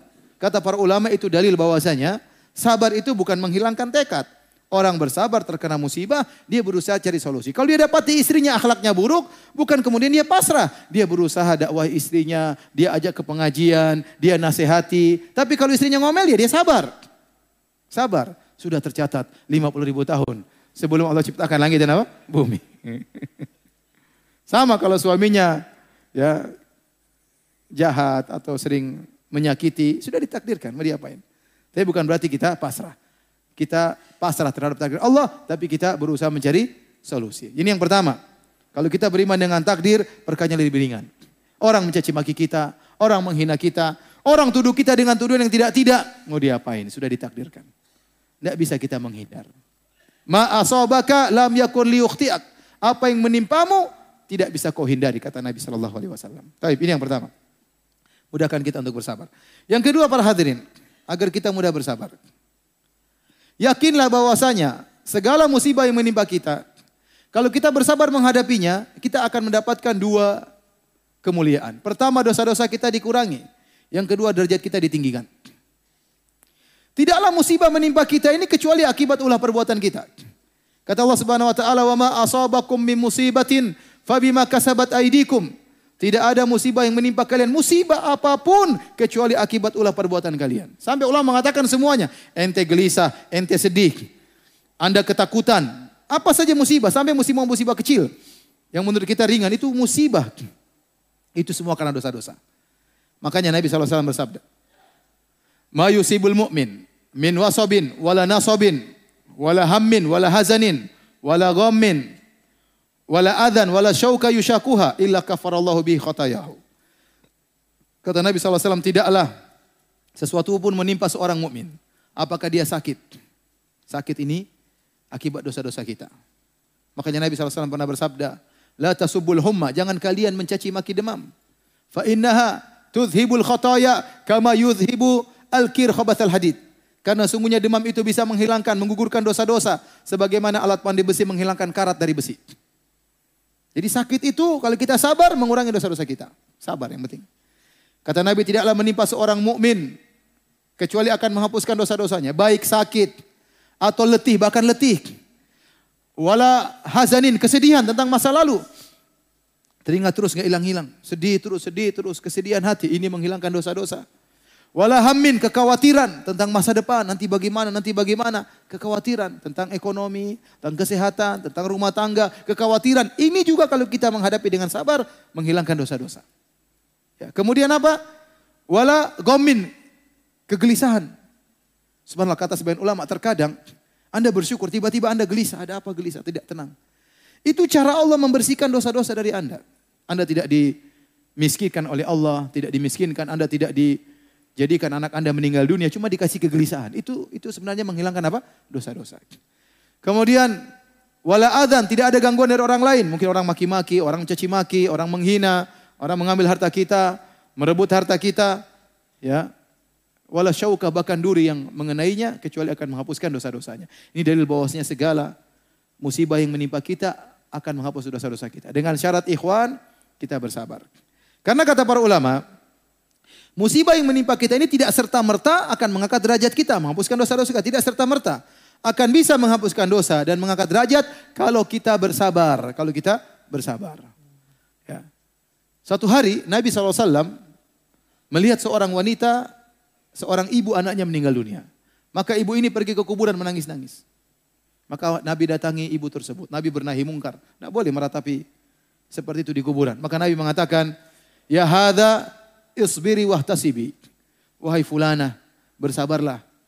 Dan haraplah pahala dari Allah subhanahu wa ta'ala. Wanita ini tidak lihat Nabi, maka dia marah. Dia mengatakan, ilaika anni, pergi engkau.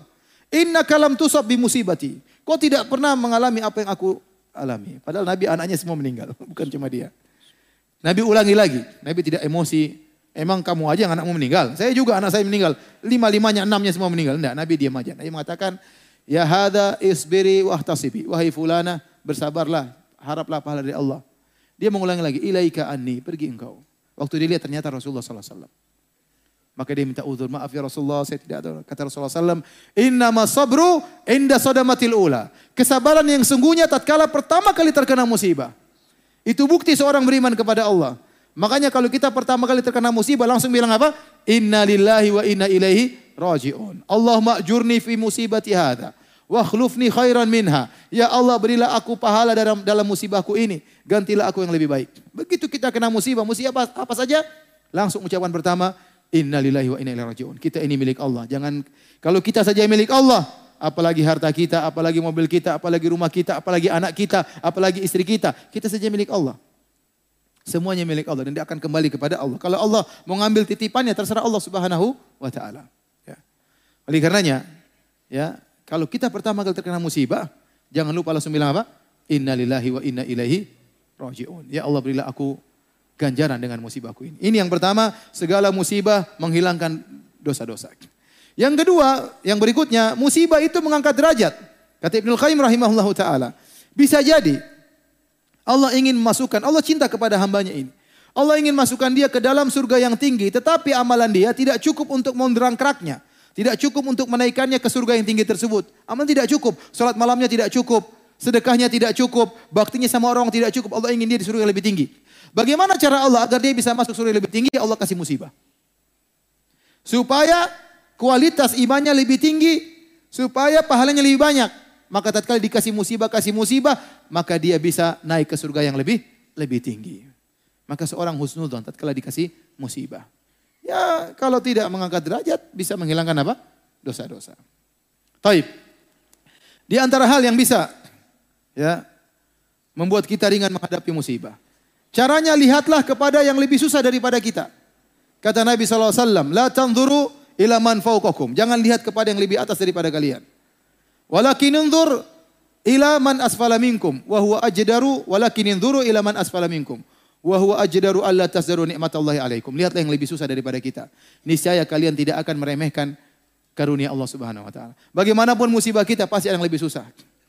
Ya, lihat orang-orang yang setengah mati, yang tidak punya kendaraan, kalau orang tidak punya kendaraan, mungkin dia tidak punya tidak punya mobil, alhamdulillah dia punya motor, dia bersyukur. Masih banyak orang tidak punya motor.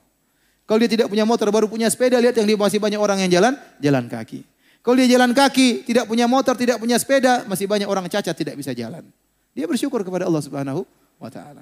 Kalau dia naik kursi roda, dia bersyukur masih banyak orang tergeletak di rumah sakit tidak bisa apa-apa. Jadi selalu lihat yang di di bawah, selalu lihat yang di bawah. Ya. Sebenarnya saya tadi ngomong begini ya, semuanya ini teori ya. Prakteknya susah. Tapi harus kita latih diri kita supaya kita bisa bersabar. Lihat ke bawah. Lihat orang-orang yang hidupnya rumahnya ada subhanallah rumah cuma mungkin tiga kali empat. Di situ tempat tidur dia, tempat masak dia. Anaknya berapa, suami istri. Saya kemarin baru ada orang, saya dikirim videonya sedih banget ya. Jadi orang itu punya anak, anaknya sakit. Dia nggak bisa ngobati anaknya, nggak punya uang. Ini baru meninggal meninggal kemarin anaknya. Dia nggak bisa punya uang. Akhirnya apa yang dilakukan dia cuma rukyah, nggak punya uang. Akhirnya meninggal anaknya, subhanallah. Kita alhamdulillah masih bisa berobat masih. Ada orang anaknya sakit yang nggak bisa mengobati. Anaknya satunya sakit juga di rumah sakit nggak bisa dia bawa pulang. Kenapa belum bisa menembus apa? Obat. Coba, orang masih banyak ya yang susah lebih susah daripada daripada kita. Makanya sekali-sekali kita bawa anak-anak kita ya suruh lihat tuh orang susah-susah. Lihat yang anak ada yang susah suruh kerja masih kecil. Agar anak-anak kita itu pandai bersyukur. Bersabar dengan apa yang menimbanya. Istri kita juga kita bawa. Jangan ke, bawa, ke mall terus. Kita bawa sana ke orang-orang susah. Nih istriku nih orang susah. Suruh dia lihat bagaimana orang susah. Mau beli lift aja nggak punya duit ya. Ya, mau beli sendal, sendalnya cuma satu rusak-rusak. Biar nggak browsing sendal terus. Nggak nggak browsing tas terus. Bawa ke orang susah-susah. Kalau perlu bawa ke kuburan biar segera bersegera segera beriman. ya, jadi ini cara kita untuk apa? Untuk bersabar lihat masih banyak orang lebih susah daripada daripada kita. Alhamdulillah kita kena musibah, bukan musibah dalam agama. Ada orang terkena musibah, dunia tidak kena musibah. Tapi musibahnya kena agamanya. Tadinya rajin sholat lima waktu, enggak lagi sholat lima waktu. Tadinya sudah bertobat, meninggalkan musik-musik, kembali lagi dengar musik-musik, joget-joget lagi, kasihan. Tadinya eh, apa namanya ikut pengajian, sudah enggak ikut pengajian lagi. Tadinya bersedekah, jadi pelit. Ini namanya musibah dari sisi agama. Makanya Nabi berdoa, wala taj'al musibatana fi dinina. Ya Allah, janganlah kau jadikan musibah kami pada agama kami. Musibah pada dunia lebih ringan. Tapi kalau musibah pada agama, tadinya kita rajin baca Quran, nggak jadi rajin lagi. Tadinya sholat bisa khusyuk, nggak khusyuk lagi. Tadinya bisa menangis mendengar lantunan bacaan imam, tidak bisa menangis lagi. Hati jadi kaku. Ini musibah dalam agama. Ini lebih parah daripada musibah dalam dunia. Ya. Kalau kita kena musibah dunia, lihat yang lebih ringan, lebih parah daripada kita masih banyak. Kemudian di antara hal yang membantu kita untuk bisa merasa ringan menghadapi musibah. Yakinlah bahwasanya apa yang Allah takdirkan lebih baik bagi kita. Al khair khiratullah. Ada istilah yang terbaik adalah pilihan apa? Allah Subhanahu wa taala. Dan Allah sebutkan dalam Al-Qur'an, ya. Wa asa an takrahu syai'an wa huwa khairul lakum. Wa asa an tuhibbu syai'an wa huwa syarrul lakum. Wallahu ya'lamu wa antum la ta'lamun. Bisa jadi kau benci kepada sesuatu ternyata lebih baik bagimu. Dan bisa jadi kau cintai sesuatu ternyata lebih buruk bagimu. Contoh sederhana, sekedar ilustrasi. Misalnya ada seorang dia baru beli mobil, mobil baru. Tahu-tahu mobilnya dicuri orang. Segera dia positive thinking, husnuzon kepada Allah.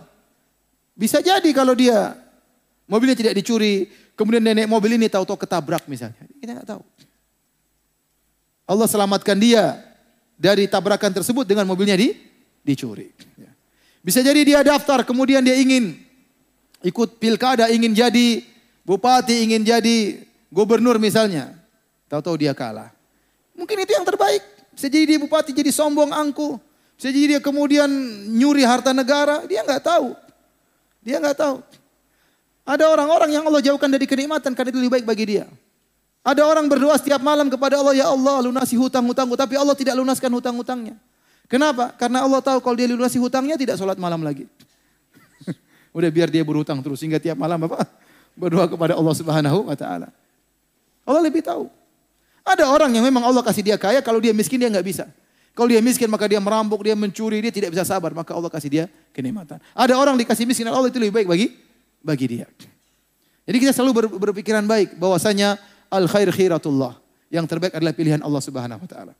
Ada suatu cerita, cerita ini tersebar di internet, wallahu akan benarnya. Kalau tidak benar makin sekedar ilustrasi. Tentang seorang menteri yang dia selalu jika melihat orang terkena musibah, dia selalu berkata, Al khairu khiratullah. Yang terbaik adalah pilihan Allah. Dia selalu mengatakan demikian. Setiap orang terkena musibah, dia datang, dia nasihati. Ya akhi, yang terbaik pilihan Allah subhanahu wa ta'ala. Ada orang terkena musibah, dia datang lagi. Ya akhi, yang terbaik adalah pilihan Allah subhanahu wa ta'ala. Sampai suatu hari sang raja, tidak sengaja jadinya putus. Maka menteri itu pun datang. Menteri bilang, wahai raja, yang terbaik pilihan Allah. Rajanya marah. Kurang ajar, ini terbaik pilihan Allah, jadi saya putus. Penjarakan menteri ini. Akhirnya menteri tersebut di penjara. Waktu dia di penjara dia mengatakan al khair khiratullah. Yang terbaik pilihan Allah. Saya di penjara lebih baik. Akhirnya satu hari sang raja keluar bersama sebagian pengawalnya berburu. Berburu dia pergi-pergi mengejar buruan, tahu-tahu mereka pergi jauh, terjebak di suatu kabilah-kabilah tertentu, penyembah ruh. Akhirnya mereka mengepung raja dan pengawalnya, ditangkaplah raja dan pengawalnya. Waktu ditangkap mereka dibunuh, mau diserahkan kepada ruh yang mereka sembah atau jin yang mereka sembah. Maka dibakar satu-satu. Pengawalnya dibakar, pengawalnya dibakar. Sampai kepada sang raja waktu mau dibakar, dilihat ternyata jarinya hilang satu. Ini cacat, tidak pantas disembahkan kepada ruh kita. Udah kamu pulang aja. Disuruh pulang. Kenapa? Cacat. Subhanallah. Baru dia ingat perkataan menteri tadi. Iya benar ya. Yang terbaik pilihan Allah. Kalau jari saya tidak putus, mungkin saya sudah apa? Dibakar. Akhirnya dia segera pulang, dia ketemu sang menteri, dia berterima kasih, kata dia menteri benar perkataanmu. Kalau bukan karena jari ini putus, mungkin saya sudah dibakar. Tapi ngomong-ngomong, kamu waktu di penjara kamu bilang yang terbaik pilihan Allah. Apa yang baik bagimu? Wahai raja, kalau saya tidak di penjara, saya ikut sama kamu, saya dibakar juga. kalau alam benar atau tidak, ini sekedar ilustrasi. Maksud saya, seorang hendaknya husnuzon, apa pun yang menimpa dia, berprasangka baik, ya bahwasanya pilihan Allah adalah yang yang terbaik. Benar kita tidak tahu hal yang goib. Yang tahu adalah Allah Subhanahu wa taala. Yang tahu adalah Allah Subhanahu wa taala. Saya dulu pernah punya kejadian saya ingin beli rumah. Bukan beli rumah, mau dibelikan orang. Saya ingin dibelikan rumah oleh saudara, kerabat. Waktu harganya sekitar 47 juta kalau nggak salah.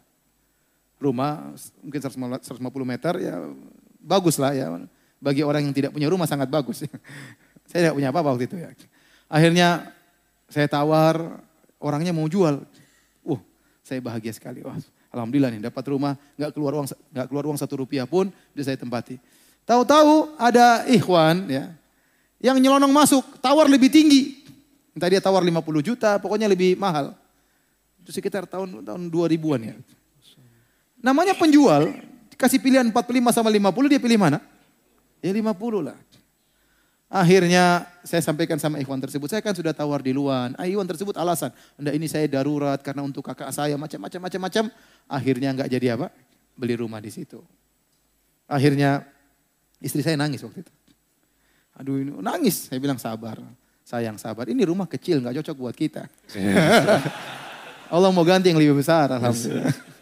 Sekarang lebih besar. Demikian saja para hadirin hadirat Subhanahu wa taala. Semoga Allah menjadikan kita hamba-hambanya yang bersabar ya menghadapi segala ujian. Kita jangan minta kepada Allah ujian, jangan.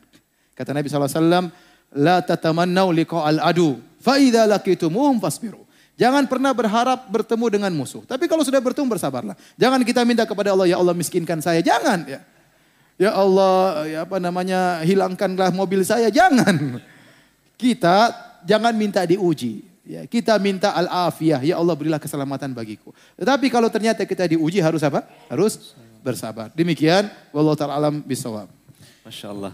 Syukran Ustaz, jazakallah khair atas penyampaian materinya. Dan nampaknya mohon izin ya, Haril. Iya, kayaknya sudah waktu, mendekati Kita waktu akan ya. segera mobilisasi ke bawah dan soal jawab dialog akan dilaksanakan di tenda iftar. Ya, insya Allah. Kita Baik. mulai bergerak ke bawah untuk uh, ke tenda dan Baik. mohon ikuti arahan dari panitia. Baik, silakan. Belakang. Itu tuh di sini kelihatan dia. Kelihatan ya bro ya? Kelihatan ya itu ya? Oke, sebutkan, mohon sebutkan nama dan domisili ya. Bismillahirrahmanirrahim. Assalamualaikum warahmatullahi wabarakatuh. Waalaikumsalam warahmatullahi wabarakatuh. Ustaz dan mau tanyakan begini Tad. Uh, boleh tahu namanya dulu? Oh, nama dan domisili. Nama Hadi di tempat. Oh, silakan Hadi. Baik, Mas Hadi silakan. Ya, apa Ustaz mau tanyakan gimana kesabaran kita dalam apa mendakwahkan orang tua? Karena orang tua itu sangat sensitif sama sekali. Masya Kita Allah. bilangin malah langsung membalikan dengan kata-kata yang tidak baik apa gimana gitu. Masya Allah. Sampai gimana untuk beribadah kita apa membolehkan untuk memaksa beliau untuk ibadah atau memboikotnya apa diperbolehkan apa gimana Tad? Syukur jazakallahu khairan. Iya. Terima kasih Mas Bro, Terima kasih Adi. Silakan Ustaz. Uh, tidak ada yang paling membuat kita bisa sabar mendakwai orang tua Kecuali kita ingat bagaimana sabarnya orang tua merawat kita. Ya. Kita dulu masih kecil ya. Bagaimana merepotkan orang tua. Mungkin antum tidak tahu karena antum sudah nikah belum? Masih jomblo kan? Makanya belum tahu ya. Kalau kita sudah nikah kita tahu bagaimana susahnya istri kita tatkala merawat anak kita. Bagaimana waktu anak kita dalam kandungan istri kita. Istri kita muntah-muntah, sakit, perlu dipijit, sampai masuk rumah sakit. Tatkala melahirkan bertarung dengan kematian ya. Waktu lahir juga merepotkan dan banyak ya. Kalau anak kita sudah sakit sampai istri kita nggak bisa tidur ngelihat anak kita ya. Dan terus ya, tatkala kita ingat ini semua bahwasanya orang tua kita sudah bersabar merawat kita dengan sesabar-sabarnya, maka kita dakwahi mereka itu Jauh lebih ringan, lebih ringan daripada sabarnya mereka terhadap kita. Ya, masa kemudian orang tua tidak menerima, kemudian kita marah, kita boykot. Coba kalau dulu orang tua kita gitu. Nak cebok sendiri, nggak mau cebok sendiri, tinggal sudah. Kamu cebok sendiri, mati-mati biarin kan? Repot ya. Orang tua kita sabar sampai terkadang sebagian orang tua mengorbankan hartanya agar kita bisa sekolah, agar kita bisa jadi orang istilahnya. Nah, kalau kita dakwai orang tua kita, orang tua kita tidak terima, sabar. Tetap dengan kata-kata yang halus, tutur kata yang halus, tetap menjaga tutur kata kita terhadap orang tua. Kemudian di antara cara terbaik mendakwai orang tua dengan akhlak yang mulia. Kalau kita sudah punya kelebihan harta, seringlah memberi pemberian kepada orang tua. Kita ambil hati hati mereka. Tunjukkan bahwasanya kalau kita sudah ngaji, kita lebih ya menghormati orang tua, lebih patuh sama orang tua, lebih sabar terhadap orang tua dan kita waktu berdakwah cari waktu-waktu yang pas. Kalau kita lagi dakwah orang tua kita melawan ya sudah kita berhenti dulu. Nanti ada kesempatan lain kita sampaikan lagi dengan logika, dengan dalil dan jangan lupa berdoa tiap malam. Karena yang membolak-balikkan hati adalah Allah Subhanahu wa taala. Ya. Saya ingat ada teman saya ya, dia mendakwahi orang tuanya dari non muslim.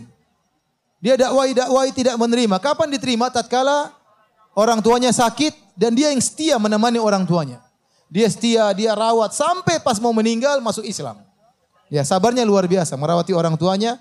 Justru kita tidak tahu hidayah kapan datang kepada orang tua kita. Perbanyak doa, terutama di bulan Ramadan, doain agar orang tua dapat hidayah. Allah alam bisawab. Allah. Masya Allah. Demikian Ustaz. Dan Akharil mohon izin bahwasanya uh, Mike Ahmad mungkin nggak sampai, tapi ada Ah, pertanyaan tertulis. dari kertas. Oke, Iya, silakan, baik. silakan. Ustadz, uh, di pertanyaan Ahmad, mau konfirmasi saja Ustadz, apabila kita keluar dari pekerjaan yang haram, kemudian kita dihantui oleh kekhawatiran jatuh miskin atau hilangnya harta. Bila kita bersabar, apakah ini juga menggugurkan dosa-dosa kita? Benarkah demikian Ustadz? Apakah kekhawatiran ini berasal dari was-was setan Ustadz? Iya, jadi Allah Subhanahu wa taala berfirman, "Asyaitonu ya'idukumul faqr wa ya'murukum bil fahsya." Sungguhnya setan itu menjanji-janjikan kefakiran, ya. Ini ayat sebenarnya berlaku bagi orang yang pelit, ya. Orang pelit dia mau dia mau bersedekah, setan bilang jangan, kebutuhan masih banyak. Bagaimana anakmu, istrimu nanti masa depan butuh duit. Akhirnya dia pikir-pikir-pikir nggak jadi bersedekah. Iya benar ya, rumah belum punya, ini belum punya, akhirnya nggak jadi bersedekah. Dan setan menyuruh dia kepada perbuatan yang fahsyat. Tapi demikianlah setan menakut-nakuti kita dengan kefakiran. Kita tatkala meninggalkan suatu yang haram karena Allah Subhanahu wa taala yakin dengan sabda Nabi sallallahu alaihi wasallam, "Man syai'an lillah khairan minhu." Barang siapa meninggalkan suatu karena Allah, Allah akan berikan ganti yang lebih baik. Kita bertekad, kita keluar bukan karena takut cacian masyarakat, bukan karena takut cacian teman-teman, tidak. Kita keluar karena Allah. Jadi bulatkan tekad. Saya keluar ini karena Allah, karena takut dengan adab Allah. Dan saya siap menghadapi ujian, tapi saya berharap Allah berikan kemudahan. Minta kepada Allah Subhanahu wa taala. Nah, kalau kita keluar, terus berdoa kepada Allah. Kita kalau kita bertakwa kata Allah, "Wa may yattaqillaha yaj'al lahu makhraja." Mungkin kita diuji, mungkin kita diuji. Mungkin susah cari kerja, mungkin ini, mungkin anu, tapi kita sabar. Allah berfirman barang siapa yang bertakwa kepada Allah, pasti Allah akan berikan solusi wa yarzuquhu min haitsu.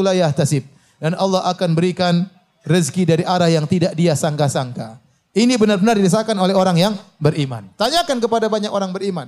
Betapa sering mereka dapat rizki dari arah yang mereka tidak sangka-sangka. Maka saya nasihatkan kepada akhwat yang ingin meninggalkan pekerjaan yang haram. Tuluskan niat, ikhlaskan niat karena Allah bukan karena takut cercaan orang, bukan karena takut eh, apa namanya pembicaraan orang, bukan supaya dibilang saya sudah berhijrah, enggak, enggak. Tinggalkan perbuatan tersebut karena Allah. Kemudian yang kedua, tingkatkan ketakwaan. Begitu Anda meninggalkan pekerjaan, salat malam, berdoa kepada Allah. Ya Allah, saya tinggalkan ini semua karena Engkau ya Allah. Jangan hinakan aku ya Allah. Jangan jadikan aku minta-minta kepada orang lain ya Allah. Sebagaimana kau menjaga wajahku tidak sujud kepada selain Engkau, jagalah diriku jangan sampai aku mengemis pada orang lain. Menangis minta kepada Allah. Insya Allah ada solusi. Masya Allah. Syukran Ustaz, jazakallah khair. Silakan Bro Haril untuk pertanyaan brothers Oke, atau sekarang Ipan. brothers lagi. Oh, Depan Baik, silakan. oke, paling Pak- depan. Boleh, boleh pakai ini. Silakan. Silakan. Sengaja ya, ke depan mau nanya ya. Masya Allah. Silakan sebutkan nama dan domisili. Bismillahirrahmanirrahim. Assalamualaikum warahmatullahi wabarakatuh. Waalaikumsalam warahmatullahi wabarakatuh. Eh, nama saya Lutfi dari Depok. Silakan Mas Lutfi. Saya eh, calon mahasiswa yang insya Allah nanti tanggal 15 mau ujian di UIN Syarif Hidayatullah. Masya Allah. Nah, jadi eh, salah satu dari hal yang menarik dari eh, Al-Azhar ini saya tahu adalah wasatiyatul Islam. Eh, dan saya mau tahu lebih banyak tentang wasatiyatul Islam itu. Mungkin itu pertanyaannya. Wasatiyatul Islam. Uh, uh, wasatiyah Islam, kalau kita bicara secara syar'i ya, antum melihat ada wasatiyah pada Al-Azhar, alhamdulillah ya. Wasatiyah orang sering terjemahkan dengan moderat, tapi sebenarnya wasatiyahnya sikap tengah. Kita Islam sikap tengah ya. Jangan gulu, jangan tafrid. Gulu itu terlalu ekstrim, tafrid meremehkan. Islam tidak tidak demikian ya. Ada contoh dalam Islam ada kelompok yang uh, di ujung, tidak di tengah. Dan itu banyak. Contoh misalnya dalam uh, masalah keimanan. Ada namanya khawarij, ada namanya uh, murji'ah. Khawarij mudah mengkafirkan orang, murji'ah mengatakan yang bermaksiat pun imannya tinggi. Ahlu sunnah wasatiyah, tengah. Ya, orang yang melakukan maksiat tidak dikatakan kafir, namun tidak dikatakan imannya tinggi seperti imannya Jibril. Imannya berkurang. Ini contoh. Contoh dalam masalah Misalnya kepada para wali. Ada orang berlebih-lebihan menganggap wali sampai pada derajat mungkin nabi sampai dikatakan maksum kalau sudah meninggal diminta-mintai. Saya rasa Al-Azhar tidak pernah mengajarkan demikian. Dan sebaliknya juga bukan meremehkan. Wali dianggap orang biasa, ya diremehkan, tidak dihargai, tidak dihormati juga tidak. Kita di tengah-tengah menghargai para ulama, menghargai para wali, namun tidak kita angkat derajatnya berlebihan sampai sederajat Nabi, tidak mungkin salah. Ini tidak benar. Tidak ada yang maksum. Yang maksum cuma siapa? Nabi Shallallahu Alaihi Wasallam. Kata Imam Malik, kullun yukhadu qauluhu wa yurad ila sahib hadal qabr. Setiap orang boleh diambil perkataannya dan boleh ditolak kecuali Nabi Shallallahu Alaihi Wasallam. Dalam banyak hal. Contoh masalah, contoh saja masalah uh, berpakaian. Ya, sebagian orang berlebih-lebihan menyangka bahwasanya semua misalnya yang dipakai oleh Nabi sunnah sampai zaman sekarang. Sehingga mereka menganggap misalnya sorban adalah sunnah. Kemudian misalnya pakai jubah adalah sunnah. Contohnya mereka menyangka bahwasanya naik onta sunnah misalnya. Atau makan korma sebagai makanan pokok sunnah. Ini tidak benar ya. Itu namanya perkara-perkara jibili, perkara-perkara adat di zaman Arab. Bukan itu sunnah. Yang sunnah adalah adalah pakaian yang syar'i, menutup aurat, ya. Kemudian tidak tampil beda di antara masyarakat seperti itu.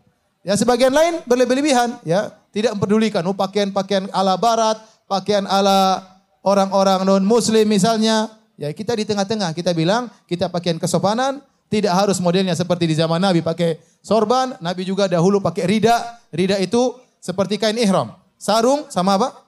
Sama selendang. Dulu itu dulu pakaian sehari-hari Nabi Shallallahu Alaihi Wasallam. Terkadang dia pakai jubah, terkadang dia pakai rida. Makanya waktu tadi saya sebutkan waktu Nabi uh, dalam waktu Nabi mengalami di perang Badar Nabi berdoa sampai ridaknya jatuh. Kemudian diambil oleh Abu Bakar. Kalau zaman sekarang ada orang ingin menjalankan sunnah Nabi kata dia, sunnah Nabi kita pakai pakaian seperti Nabi SAW. Ya udah, ente pakai sarung, pakai selendang, ente jalan di tengah kota. Apa kata orang ya? Apalagi masuk kantor, tentunya tidak benar. Bukan begitu maksud Nabi. Maksudnya ente pakai pakaian seperti di, di, di Indonesia pakai pakaian Islami, pakai koko, pakai ya enggak apa-apa, pakai celana, tapi yang penting kesopanan. Ya, jadi kita di tengah-tengah dalam segala hal. Ya. Dalam segala hal. Itu namanya wasatiyah. Dalam akidah, dalam akhlak, kemudian dalam ibadat. Ya, ini ada wasatiyah. Masya Allah. Ahril, mohon izin Coba, tadi sekarang ya, dari menyampaikan lagi ya. tentang sikap pertengahan terhadap uh, akhlak Nabi. Ustaz yang sedang terangkat ini Ustaz bagaimana sikap pertengahan dalam uh, menyikapi mengambil keberkahan terhadap peninggalan-peninggalan Nabi Ustaz? Baik itu baju, bekas rambut dan sebagainya. Peninggalan Nabi, dahulu Nabi SAW, Nabi SAW spesial. Seluruh tubuhnya berkah. Bahkan air liurnya berkah, bahkan ludah Nabi berkah. Rambut Nabi berkah. Sallallahu alaihi wasallam. Tatkala terjadi peristiwa Hudaybiyah, waktu para sahabat hendak berumrah dengan Nabi sekitar 1400 orang, mereka dilarang oleh orang kafir musyrikin sehingga mereka tidak bisa masuk. Akhirnya diutuslah utusan kaum muslimin, kaum kaum musyrikin untuk berunding dengan Nabi sallallahu alaihi wasallam. Waktu salah seorang utusan datang, mereka lihat para sahabat begitu mengagungkan Nabi wasallam. Tidaklah Nabi meludah kecuali ludahnya diperebutkan oleh para sahabat. Ini menunjukkan ludah Nabi berkah. Apalagi badan Nabi. Ada sahabat lihat Nabi pakai baju, kemudian dia minta, "Ya Rasulullah, ya ma ahsana haza." Ya Rasul ini bajumu begitu bagus, berikan padaku. Nabi kasih. Bukan apa-apa, sahabat ini tahu baju ini sudah keringat, kena keringat Nabi SAW. Dia ingin pakai. Dia ingin dijadikan kafannya. Akhirnya jadi kafan dia. Kemudian Nabi SAW waktu hajian, Nabi mencukur rambutnya, Nabi bagi-bagi rambutnya kepada para sahabat. Kenapa? Karena rambut Nabi berkah.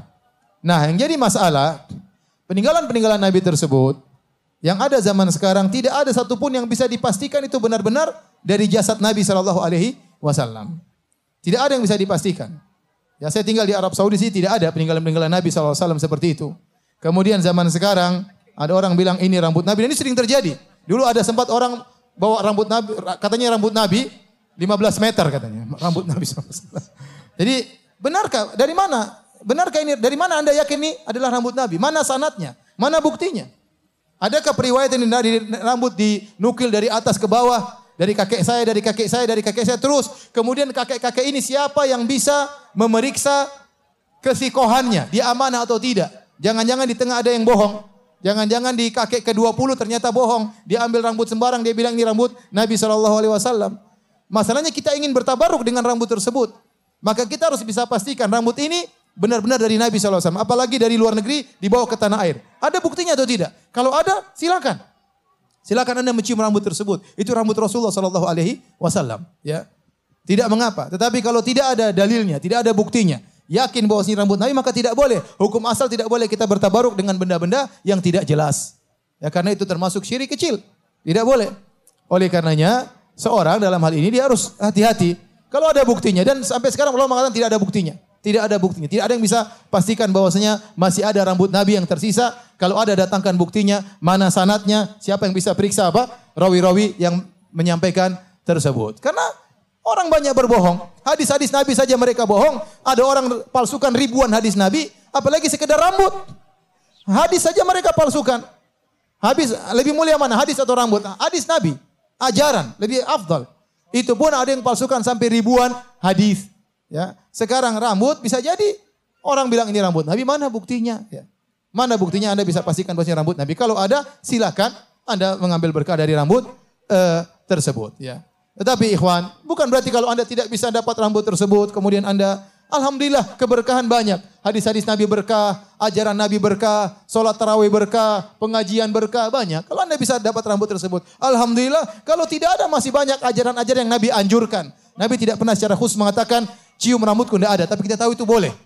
Tapi banyak hal-hal yang Nabi anjurkan, sholat malam, sholat tarawih, berbakti sama orang tua, masih banyak pintu keberkahan yang bisa kita dapatkan. Wallah alam bisawab. Masya Allah. Syukran Ustaz. Akhil, masih Ya, ada waktu? Allah. 10 menit menjelang Baik. waktu berbuka, bagaimana? Pertanyaan terakhir Ustaz ya? Ya, terakhir ya. Terakhir Terakhir, setelah oke, ini Ustaz akan menyampaikan penutup. Baik, silakan. Terakhir. Brother silakan. ada Brothers pertanyaan lagi, terakhir? brothers? Oh itu boleh, boleh silakan. Yang baju putih, yang baju nah yang masih angkat tangan sekarang tuh. Agak jauh sedikit. 10 menit lagi, Ustaz. 10 menit lagi. Sebutkan nama dan domisili ya. Beda 2 menit sama sini. Silakan, pertanyaan terakhir. Singkat saja ya, silakan. Oke, Assalamualaikum warahmatullahi wabarakatuh. Waalaikumsalam warahmatullahi wabarakatuh. Dengan siapa? saya Volta dari Jakarta. Ya, silakan, Volta. Ustaz, eh, qadarullah, saya sudah bercerai dan nikah lagi. Eh, tapi yang jadi masalah... alhamdulillah. Alhamdulillah. Alhamdulillah, alhamdulillah. Alhamdulillah ya.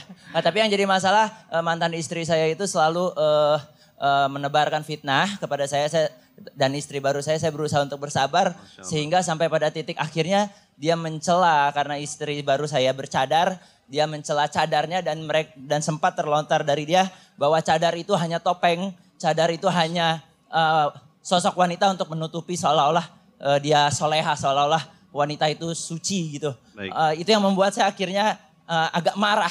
Bukan marah karena menghina istri saya, tapi meng- menghinakan sunnah gitu ya. Baik. Eh, tapi bagaimana saya harus bersikap Ustaz? Syukran jazakallah khair. Wah, Assalamualaikum warahmatullahi wabarakatuh. Waalaikumsalam warahmatullahi wabarakatuh. Syukran ahi. Masya Allah. Jadi bekas istri-istri antum melakukan kemungkaran. Kalau menurut antum dinasihati eh, berfaedah, bisa mengurangi kemungkaran, lakukan. Tapi dengan cara yang lembut. Jangan antum marah-marah. Antum nasihat dengan baik. Ya, dengan baik. Ini adalah sunnah Nabi. Tidak boleh nuduh niat orang. Orang pakai cadar baik nggak baik bukan urusan kita. Dia memakai syariat Rasulullah ya kita alhamdulillah senang. Adapun dia bertopeng itu bukan urusan kita, urusan masalah hati. Nabi tidak tahu isi hati orang-orang munafik dahulu. Kata Allah Subhanahu wa taala, "Wa mimman haulakum minal a'rabi munafiquna wa min ahlil madinati maradu 'ala nifaqi. La ta'lamuhum nahnu na'lamuhum." Ya, di penduduk kota Madinah ada orang-orang munafik yang kau tidak tahu hai Muhammad. Sementara kami tahu. Artinya apa? Nabi tidak tahu isi hati manusia. Kalau Allah tidak kasih tahu ini munafik, Nabi tidak bakalan tahu. Ya. Nah, kalau Nabi saja tidak tahu isi hati orang, apalagi anti wahai bekas istriku. Nasihat baik-baik, tapi kalau menurut Anda dinasihat ini semakin menjadi-jadi, nggak usah digubris. Sudah ente peluk istri ente aja yang baru, yang rumah lupakan aja, nggak usah digubris. Putuskan semua, telepon, jangan sampai dia kontak antum, Facebooknya dimatikan, diblokir, itu lebih aman. Ya. Baik, Masya Allah. Alhamdulillah, Ariel, Ya, kita kita, sudah- telah berada di akhir waktu Iya, ya. betul, Masya betul, Allah. betul. Berkali Ustadz ada penutup berada di akhir acara kita, silakan Ustadz. Alhamdulillah kita berterima kasih kepada pihak Al-Azhar yang telah memberikan kesempatan bagi kita untuk bisa menimba ilmu di tempat yang mulia ini dan bisa berkumpul bersama. Semua pertemu, semoga pertemuan kita ini bukan cuma hanya di dunia, semoga Allah kumpulkan kita di surganya kelak. Demikian saja. Wabillahi taufiq wal hidayah. Assalamualaikum warahmatullahi wabarakatuh. Waalaikumsalam warahmatullahi wabarakatuh.